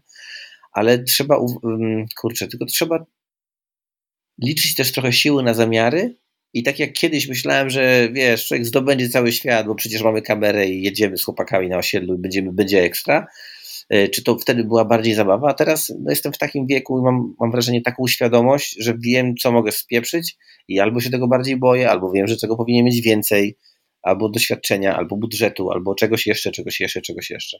I tak naprawdę już bardzo ostrożnie podchodzę do tego, nie? Bo to jednak jest coś, co, tak jak w programie stand-upowym ja mogę go napisać, wyjść na scenę i potem zmieniać go co wieczór, codziennie mogę coś dorzucać, zmieniać, poprawiać. I to, co wy widzicie w końcu na internecie, na YouTubie, E, po roku grania to się naprawdę różni od tego, co ja robię na testach na początku, ale ja mogę codziennie na to wpływać, codziennie zmieniać, coś dopisać, wywalić i tak dalej. A tutaj jest tak, że nadchodzi moment, w którym już nie masz żadnego, żadnej możliwości manewru. Możesz coś pomontować, coś zmienić, ale ten montaż i tak jest jakoś tam mimo wszystko ograniczony. I chyba y, to musi być bardziej przemyślane. Ja widzę, jak mówię, współpracuję teraz z, z, z, Drabikiem, Radkiem i z Michałem Hacińskim, właśnie producentami Planety Singli i przy Juliuszu i teraz mieliśmy okazję też z nimi współpracować e, przy takim serialu, który teraz robią właśnie, e, kręcą Planety, Planeta Singli, tak się będzie nazywał ten serial, no to to, ile oni dłubią przy scenariuszach, to jak zmieniają, jak kombinują, żeby to wszystko było tak wycyzelowane, żeby to było wszystko to musi być tak przygotowane, że potem kręcenie i montaż to jest y, oczywiście też ważne dwa etapy, ale ten początek jest, to preprodukcja jest kluczowa. A ja kiedyś, wiesz, brałem, dobra, dawaj chłopaki, lecimy, bawimy się i tak dalej, więc i to tak potem wygląda trochę, więc nie ma co się, nie ma co się sadzić, że ja tu jestem reżyserem filmów, nie? Ja się kiedyś bawiłem w kino, takie amatorskie, lubię to i cieszę się, że to zrobiłem, bo gdzieś tam mogłem zrobić potem parę rzeczy innych, nie wiem, filmiki do Limo na przykład, nie? No, dzięki tym naszym zacięciom wcześniejszym, temu, że robiliśmy współpracowaliśmy z różnymi ludźmi, którzy nam potrafili zrobić potem fajne efekty i tak, czy, czy to sfilmować fajnie, no to potem powstały filmiki limowe, które ja bardzo ciągle lubię i ostatnio kilka obejrzałem e, i one są według mnie ciągle tam się jakoś trzymają. No, to nie są może tak świetne, jak kiedyś myślałem, że są, ale no jeszcze mają tam w sobie jakąś moc. E, no więc e, chociażby dlatego warto było zrobić parę innych rzeczy, nie? ale to wszystko to jest droga. E, I, i, nie ma co się wstydzić niektórych etapów tej drogi, czy negować jej, ich, ale, ale no też trzeba uważać, że to był tylko jakiś stopień. No dobrze, Abelard, e, ja bym cię chciał teraz tak trosze, troszeczkę figlarnie nieco wprowadzić w temat, e, który bardzo chciałbym poruszyć i wydaje mi się, że pozwoli mi nam odkryć troszeczkę rąbek tajemnicy i połączyć w kropki kropki e, historii Abelarda Gizy, ale zanim to nastąpi, ja muszę wprowadzić odpowiedni nastrój. Niestety nie mam do tego odpowiednich narzędzi, ponieważ nie jestem w stanie załączyć tutaj żadnej muzyki ani, ani podkładu dźwiękowego, więc będziemy musieli sobie wyobrazić e, melodię nieco złowieszczą, trochę cichą, e, ale wyobraźmy sobie muzykę, która gdzieś dudni echem w, e, w, w, w podziemnych korytarzach, jest nieco złowieszcza. I teraz E, do ciebie, Abelardzie, zwracam e, te słowa. E, z trudem przecisnąłeś się przez wąskie na dwie stopy przejście, znalazłszy się w końcu w mrocznym przedsionku komnaty, która przez ostatnie dni wędrówki była twoim jedynym celem. Spośród nieprzebitej ćmy rozpościerającej się przed twymi oczami wyzierał pojedynczy obiekt, żarzący się dziwnym purpurowym światłem, jakieś sto stóp w głąb komnaty. Zwój uniwersalnego humoru, Ciemność obejmowała nawet podłogę, patrząc pod nogi widziałeś tylko studzienną czerń. Jedyny dźwięk, jaki odbijał się echem od odległych ścian, to głuche wycie wiatru dmącego z niewiadomego kierunku.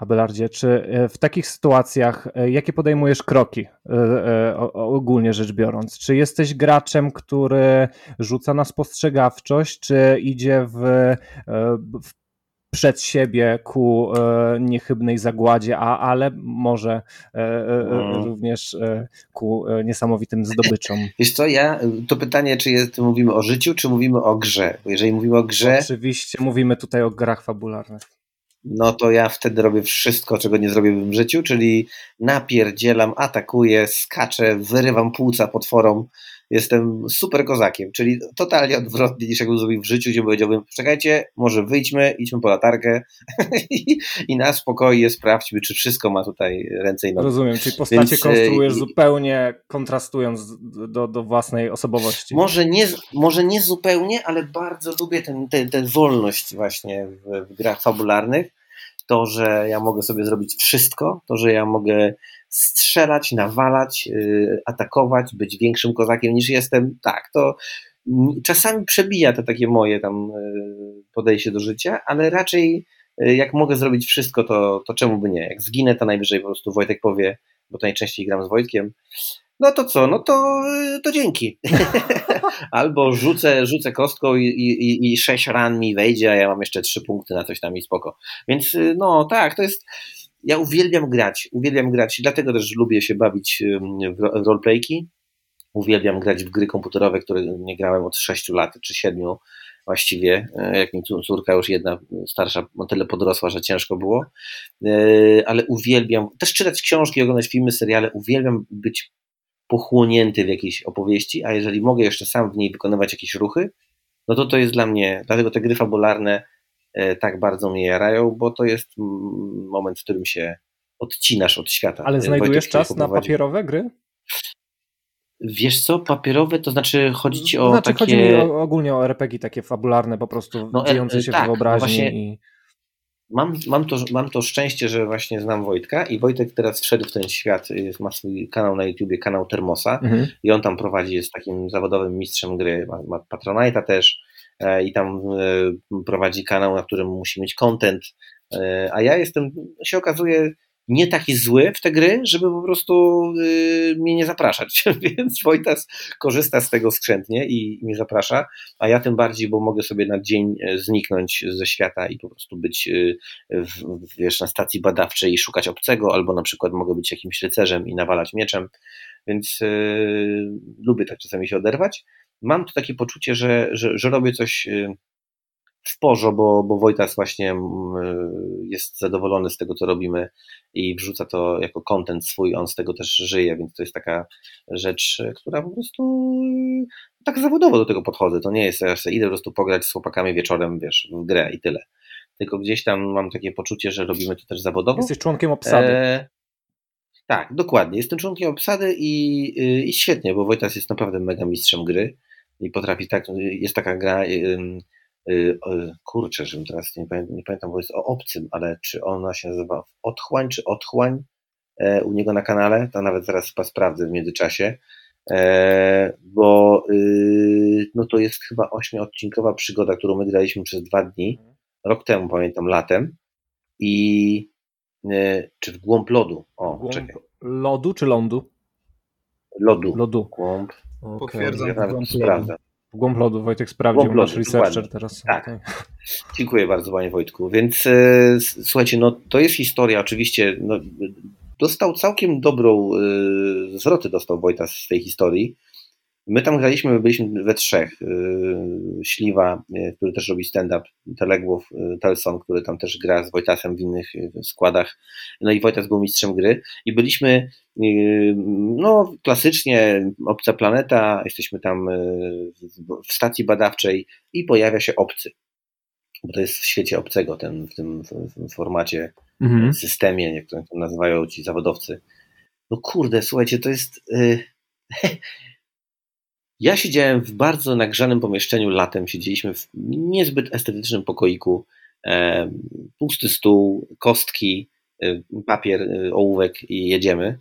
Ale emocjonalnie to, co się wydarzyło z nami przez dwa dni, jak, jak bardzo wchodzisz w to, jak, się przeży, jak to przeżywasz, jak, jak się podniecasz, jak chcesz uciekać, walczyć, y, kombinujesz, co możesz zrobić, jak się uratować. Jeżeli w to wchodzisz, no to wchodzisz na 100%, bo wtedy dopiero masz sens ta gra. Mhm. No jasne. Jaki to jest czat, słuchajcie, naprawdę to zapraszam do, do, do odsłuchu, jeżeli ktoś ma trochę czasu wolnego właśnie, żeby sobie gdzieś to tam z tyłu, y, czy na YouTube, czy na jakimś tam Spotify'u odpalić no, dla nas to była taka naprawdę wielka przygoda i, i, i takie emocje, no to kurczę, no gdzie ja będę mógł walczyć z potworami, jak nie tam. A powiedz mi, a kiedy się wkręciłeś w ogóle w gry fabularne? Bo e, wiem, że wielu e, aktorów generalnie zaczynało kiedyś swoją przygodę w ogóle z aktorstwem właśnie od gier fabularnych gdzieś w dzieciństwie, gdzie e, musieli odgrywać postacie zupełnie różniące się od nich samych, e, wchodzić, przełamywać trochę tremę, też przełamywać jakieś, e, e, jakieś takie właśnie bariery wystąpień. Czy, czy to jest dla Ciebie nowa przygoda? Ja y, już kilka lat, znaczy tak, dawno temu, dawno, dawno temu, 12-15 lat temu, miałem y, okazję raz czy dwa zagrać w taką y, grę. Raz w Cyberpunka, raz coś z Warhammera chyba. I też gdzieś z Termosem właśnie i z Telsonem. Gdzieś tam mieliśmy taką, raz czy dwa próbowaliśmy coś zrobić, ale nie było tym czasu, coś się nie zgraliśmy i tak dalej. Ale gdzieś mi to chodziło z tyłu po głowie. A potem, 3-4 lata temu już może, E, Baniak, bo też jest e, Michał Bańka, czy Baniak Baniaka, z takiego, on jest też mistrzem gry, mhm, bardzo tak, fajny, tak, tak, tak i bardzo fajny. On zaproponował mi wejście w taką grę Zew Cthulhu. E, I właśnie z Termosem jako graczem też, ze Śliwą, z Leszkiem i z Szymonem, wtedy jeszcze Szymon też z nami grał. I no to było bardzo fajne doświadczenie, bo staliśmy się taką drużyną, kłamem, klub łowców mitów. E, I klub łowców mitów no, miał tam kilka sezonów nawet u Baniaka. Teraz zrobiliśmy sobie małą przerwę przez pandemię chyba, ale pewnie wrócimy. No i nagle wiesz, jesteś znowu w latach dwudziestych, walczysz ze stworami z różnych tam światów. ja strzelam z Thompsona, e, jestem milionerem. No kurczę, no panowie, no kto, jak ktoś ci proponuje, chcesz być milionerem i strzelać do, do potworów, co mówisz w takiej sytuacji? Oczywiście, że tak. Więc e, no, więc tak się w to bawię. E, zarezerwuję sobie tam dzień właśnie w miesiącu i wtedy to nie jest jakoś tam szkodliwe a wręcz przeciwnie, bo bardzo fajnie odświeża. No i bomba, no. Stąd mi się właśnie to wzięło. No ale faktycznie cały dzień trzeba za, za, zarezerwować sobie. Wiesz co, różnie, różnie, bo z Baniakiem gramy w takie, e, te sesje mają tam 3-3,5 godziny, coś takiego, e, a z Termosem się umówiliśmy właśnie, że takie graliśmy właśnie w tego, w tego obcego, że to jest jakiś, no chcemy nagrać kampanię w ciągu dwóch dni, nie? to jest a to jest tam 8 odcinków po 2 godziny, więc raczej takie tam 16 godzin, no to, to raz, drugi dzień i jesteś tak na świeżo w emocjach i, e, i to też jest fajne. Bardzo różne sposoby, a, ale oba są bardzo fajne. A stołówkę ile nagrywacie? Ile wam to zajmuje? A stołówkę to, to tyle, co ty widzisz, czyli jak widzisz tam cztery odcinki, zazwyczaj są cztery odcinki, po godzinie, no to tak myślę, że do, do tych czterech godzin sobie siedzimy i tylko tam też jest e, zupełnie inaczej, bo stołówka jest takim lightowym, właśnie śmiesznym, lekkim, e, bardzo porąbanym formatem. Polecam Bobra 2050. tak, tak, tak. No to tam właśnie Wojtas wymyślił zasady, wymyślił system. On jest prosty, opiera się mocno na improwizacjach, E, możemy sobie też e, karty kupować, co chcemy zrobić, kartę akcji. E, a z Śliwą i z Szymonem, z Termosem, no znamy się jak łyse konie, więc zabawa jest przednia dla nas. I jak się okazuje, że ten, ten też dla, dla widzów, to, to, to, to tym, tym fajniej. A próbowałeś kiedyś prowadzić własne gry? Bo masz doświadczenie w pisaniu, w tworzeniu, więc. Wiesz co, Termos mnie namawiał, tylko że ja jestem ja ogólnie w prowadzeniu czegokolwiek jestem średni. Yy, samochód też sobie jakoś tam radzę, ale no bez, bez szału. Na pełnej piździe jak Dokładnie. Dlatego, że y, trzeba mieć zasady w głowie. I jak już masz zasady opanowane właśnie jak przy jeżdżeniu samochodem, to jest pół biedy. Ale jak masz tak yy, no to y, trzeba znać ten świat, trzeba mm -hmm. bardzo dobrze znać reguły techniczne, wiesz, tak. kiedy rzucasz, kiedy nie rzucasz, ta mechanika jest ważna. No i kosmologię e, całego uniwersum fabuła. oczywiście. Właśnie o to chodzi, no, czy to jest możliwe. Jeżeli gracz cię pyta, a może zrobić wszystko w tym świecie, to musisz bardzo szybko, sprawnie i mądrze, przynajmniej w tym świecie, mądrze odpowiedzieć. A, więc musisz mieć to wszystko w jednym palcu. No. I to jest bardzo dla mnie takie byłoby wielkim wyzwaniem po prostu. No bo z tego co zrozumiałem, to ty masz już gotowe uniwersum. Jakie? Uniwersum Muchyleny. A wiesz, że gadałem o, o, tym gadałem z Termosem, czy by się dało zrobić taką roleplaykę, roleplaykę w, tym, w tym świecie. No taki był, że możemy pokombinować. No to, to byłoby fajne. Może po drugim sezonie, jak będziemy chcieli robić, to może coś tam dalej pójdzie, zobaczymy. Ale tak, coś tu jest. Coś czym jest, zdecydowanie. Właśnie, ale jeżeli ta twoja przygoda nie zaczęła się jakoś zupełnie, jakoś strasznie, strasznie wcześnie, e, to może z perspektywy już gracza, który wkręcił się e, dosyć niedawno, czy widzisz e, wartość w tego rodzaju rozgrywce właśnie, która usprawnia aktorstwo, usprawnia jakby samą umiejętność właśnie występu? Wiesz co, mnie to chyba średnio to pytać, bo ja nie jestem dobrym aktorem. Ja jestem gościem, który próbuje się odnaleźć w różnych sytuacjach, ale właściwie, tu nie ma co ukrywać, gram trochę jedną postać. Jestem sobą. Eee, tak mi się kojarzy. Bardzo to y, teraz powiem, ale tak mi się to kojarzy trochę z Alem Pacino. Y, że Al Pacino jest trochę takim samym typem w każdym filmie. On, oczywiście on, milion razy lepiej pasuje w te rzeczy. On jest wybitnym aktorem, ale właściwie gdzieś mi takim jest Alem Pacino w różnych sytuacjach. E, I tak jak nie wiem, jest y, kilku aktorów, y, którzy po prostu mam wrażenie, że zawsze są inni, nie wiem, szukają. Christian Bale na przykład, nie wiem, próbuje fizycznie się y, zmienić, tam, nie wiem, kombinuje sobie jakoś. Znaczy, dobra, może bez sensu, bo ktoś powie, kto się zna na aktorstwie, co ty pieprzysz, ale tak mi się przynajmniej kojarzy, że jest sobie kilku aktorów, których mam wrażenie, że oni wchodzą i są sobą w tych bardzo różnych sytuacjach, ale ciągle czuję gdzieś, wiesz, i, i ja, i to jest bardziej moja droga, absolutnie nie porównuję się do Al Pacino, tylko chodzi o to, że to jest jakiś rodzaj takiego bycia. No A tak, są, to zabrzmiało. No wiem, wiem, dlatego od razu to spisowałem. E, ale są też tacy ludzie jak na przykład no, Termos, który no, gra Termos gra. Termos potrafi się wcielić w wielkiego y, wikinga, potężnego chama, który potrafi rozerwać krowę y, i biec dalej, młócić wieś, ale potrafi też być delikatnym, maleńkim, y, starym mężczyzną. Kiedyś zagrał ojca w sklepach cynamonowych w takim naszym teatrze. Kiedyś graliśmy wszyscy w amatorskim takim teatrze.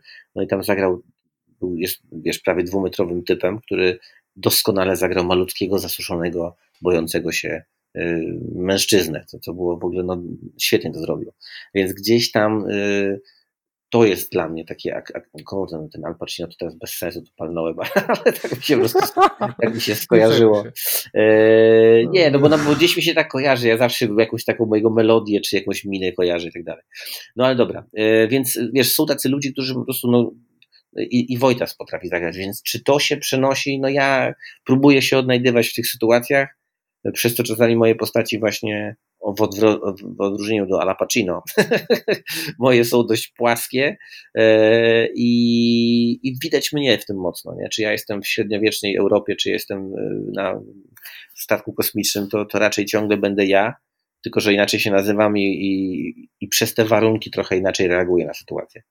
Czyli podejrzewam, że dużo komedii też jest w odgrywaniu. No właśnie postaci. staram się nie. Właśnie to y, pierwsze, pierwsze sezony Baniaka, no może nawet nie pierwsze sezony, ale pierwsze, pierwsze y, odcinki Baniaka były takie właśnie, że ja trochę sobie śmieszkowałem, ale czułem, że to może za bardzo rozwala klimat i faktycznie jak próbowałem już potem wejść, no wiesz, tam się kłócimy, przeżywamy podejmujemy takie poważne decyzje, no i to jest lepiej dla gry, no bo ja też na początku ja nie mogłem się wciągnąć w to, bo jak wracałem do domu i moja żona pytała, co robiłem i mówiłem, że właśnie strzelałem z Thompsona w 1921 roku do stwora z kosmosu, to ona miała takie mm, okej, okay. więc y, ale nie jest jakąś fanką takich gier, I ja też jakby słuchałem, jak chłopaki ze sobą gadają, że słuchajcie, krabojaszczury czy krabogrzyby opanowały tamtą planetę i taki ja pierdzielę, siedzi pięciu dorosłych typów i tak gadają, no to jest, no i wtedy właśnie albo w to wchodzisz, albo w to nie wchodzisz. Jak nie wchodzisz, to po prostu idź sobie, nie? No bo, bo psujesz, psujesz klimat, psujesz konwencję. Więc jak już w to wszedłem, no to już się czułem fajnie i, i tak po swojemu reagowałem na te wszystkie sytuacje, ale już starałem się wtedy tak na poważnie.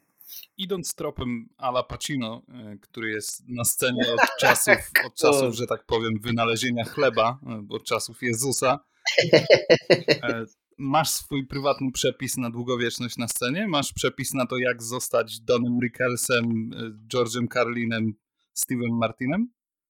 Myślałeś o tym? Nie mam. Nie mam takiego sposobu, czy myślałem. Na pewno nie lubię tej maksymy, że każdy ma swoje 5 minut. Ja podejrzewam, że ona jest tak, tak specjalnie u, u, u, stworzona, bo każdy ma swoje 5 minut, bo byłeś w tym momencie najbardziej popularny, najmocniejszy, najśmieszniejszy, naj, najfajniejszy, nie wiem, najwięcej zarabiałeś, najwięcej, no i tak dalej, i tak dalej. I za chwilę przyjdzie coś nowego, coś nowego, coś nowego, ale dla mnie to 5 minut y, nie chcę, żeby się wiązało właśnie z tym, że najśmieszniejszy, najwięcej, najpopularniej i tak dalej, nie? Bo to, bo to czasami się bierze albo po prostu z pecha, że już nie jesteś, bo, albo z, z wybranej drogi, albo właśnie z, drogi, które wybrało życie, albo coś przeoczyłeś, albo coś i tak dalej. Mi się podoba taka, taka droga, którą sobie mhm. podąża kabaret hrabi, który widzę i obserwuję od lat, a oni się też wywodzą przecież z kabaretu potem, który znam jeszcze dłużej. I oni w tym, w tym biznesie są od lat, już tam właśnie 40 prawdopodobnie, jakoś tak zaraz będzie. E, I oni są, mają swoich widzów, e, nie są właśnie najpopularniejszym kabaretem, nie są najśmieszniejszym dla niektórych, dla niektórych są. E, nie są, nie wiem, najlepiej zarabiają i tak dalej, i tak dalej. To nie o to chodzi, nie? To oni są takim kimś, kto ma swoich odbiorców, kto ma swoją drogę, ma swój styl, E, i są w tym szczęśliwi, są w tym spełnieni, robią to, co lubią, e, nie sprzedali się czemuś tam. Mm, I to jest takie coś, jakby, więc czy to jest długowieczność, czy, czy, czy wiesz, jasne, że fajnie by było iść i płynąć i być George'em Carlinem, który w wieku 60 iluś lat zapełniał mm, teatry na 2,5 tysiąca ludzi i był ciągle najpopularniejszy, wiesz, albo był jednym z najpopularniejszych Chociaż wiesz, jego osiągi, a teraz nie wiem, Kevina Harta, to też jest różnica już. No ale tamtych czasach. Yy, był ogłoszony tam drugim najzabawniejszym komikiem wszechczasów, tam zaraz za Priorem i tak dalej, yy, przez Comedy Central. Yy, oczywiście, że to są przemiłe i fajne rzeczy, ale chyba najważniejsze właśnie, żeby to nie było tak, że, że po tych paru minutach tego wielkiego wybuchu trochę się gubisz, trochę musisz robić coś, czego nie lubisz, pędzić za kimś, za kim nie chcesz pędzić, e, ścigać się z kimś, e, robić coś wbrew sobie, grać w miejscach, czy dla kogoś, dla kogo nie chcesz i tak dalej. Nie? Więc e, jeżeli ja bym, czy mój przepis, nie wiem, nie wiem czy mam przepis po prostu, tylko chciałbym za te 10 lat czy 15 ciągle być w takim punkcie, w którym mam swoich ludzi, którzy mają ochotę odsłuchać takiej rozmowy, którzy mają ochotę kupić książkę, którzy mają ochotę wpaść na mój występ, zdaję sobie sprawę, że jak będę zupełnie odcięty od świata i będę tylko robił, o, obrażał się, że nie jestem w centrum uwagi, to, to raczej to będzie y, schyłkowe, więc chciałbym się odnajdywać w tym świecie, tak jak zresztą mówiliśmy o tych... No ale w wieku 60 lat miałbyś pretekst ku temu, żeby na scenie mówić o sraniu. tak, tak, właśnie tak jak George Carlin, który mówił właśnie, że, że ma teraz totalny luz, że może się zestrać przy stole i, i nikt mu nic nie powie, no nie? Tak. E, no ja zresztą zawsze znajdę pretekst, żeby mówić o sraniu. To akurat nie jest jakiś problem. E, nie, wiesz co, no kurczę, no, no tak, robić swoje po prostu. Robić swoje i to, co się uważa za słuszne. Oczywiście z jakąś taką otwartością chyba, a ja nie wiem, czy to jest dobry sposób, bo ja się dowiem tego za, wiesz, 20 lat czy 30. Bo być może ja teraz tam tak sobie pieprzę farmazony. E, ale zakładam sobie to, że będę sobie starał się robić swoje, będąc otwartym czasem na takie rzeczy, które się dzieją teraz, jeżeli nie jestem jakimś wielkim fanem mediów społecznościowych, no to jednak nie będę e, ich unikał, czy jakoś bardzo uciekał, czy, czy, czy, czy po prostu teraz tylko pisał na czerpanym papierze atramentem, bo to już trochę nie, nie ten moment. Czy to zadziała? Miejmy taką nadzieję. Ja, osobiście i obstawiam, że e, chłopaki też się pod tym podpisują. Życzymy Ci tej długowieczności, życzymy Ci tego, żebyś po tej scenie śmigał jak najdłużej i wymyślał E, jak najbardziej świeże mimo swojego wieku i może też zapachu. Dziękuję bardzo, dziękuję. A, rozgryzłeś mnie. Widzę, że nawet przez internet to jest e, wątpliwa sprawa. Staram się, staram się. Tak, czyli tej świeżości w dwójnasób Ci życzymy. Bardzo Wam dziękuję, panowie.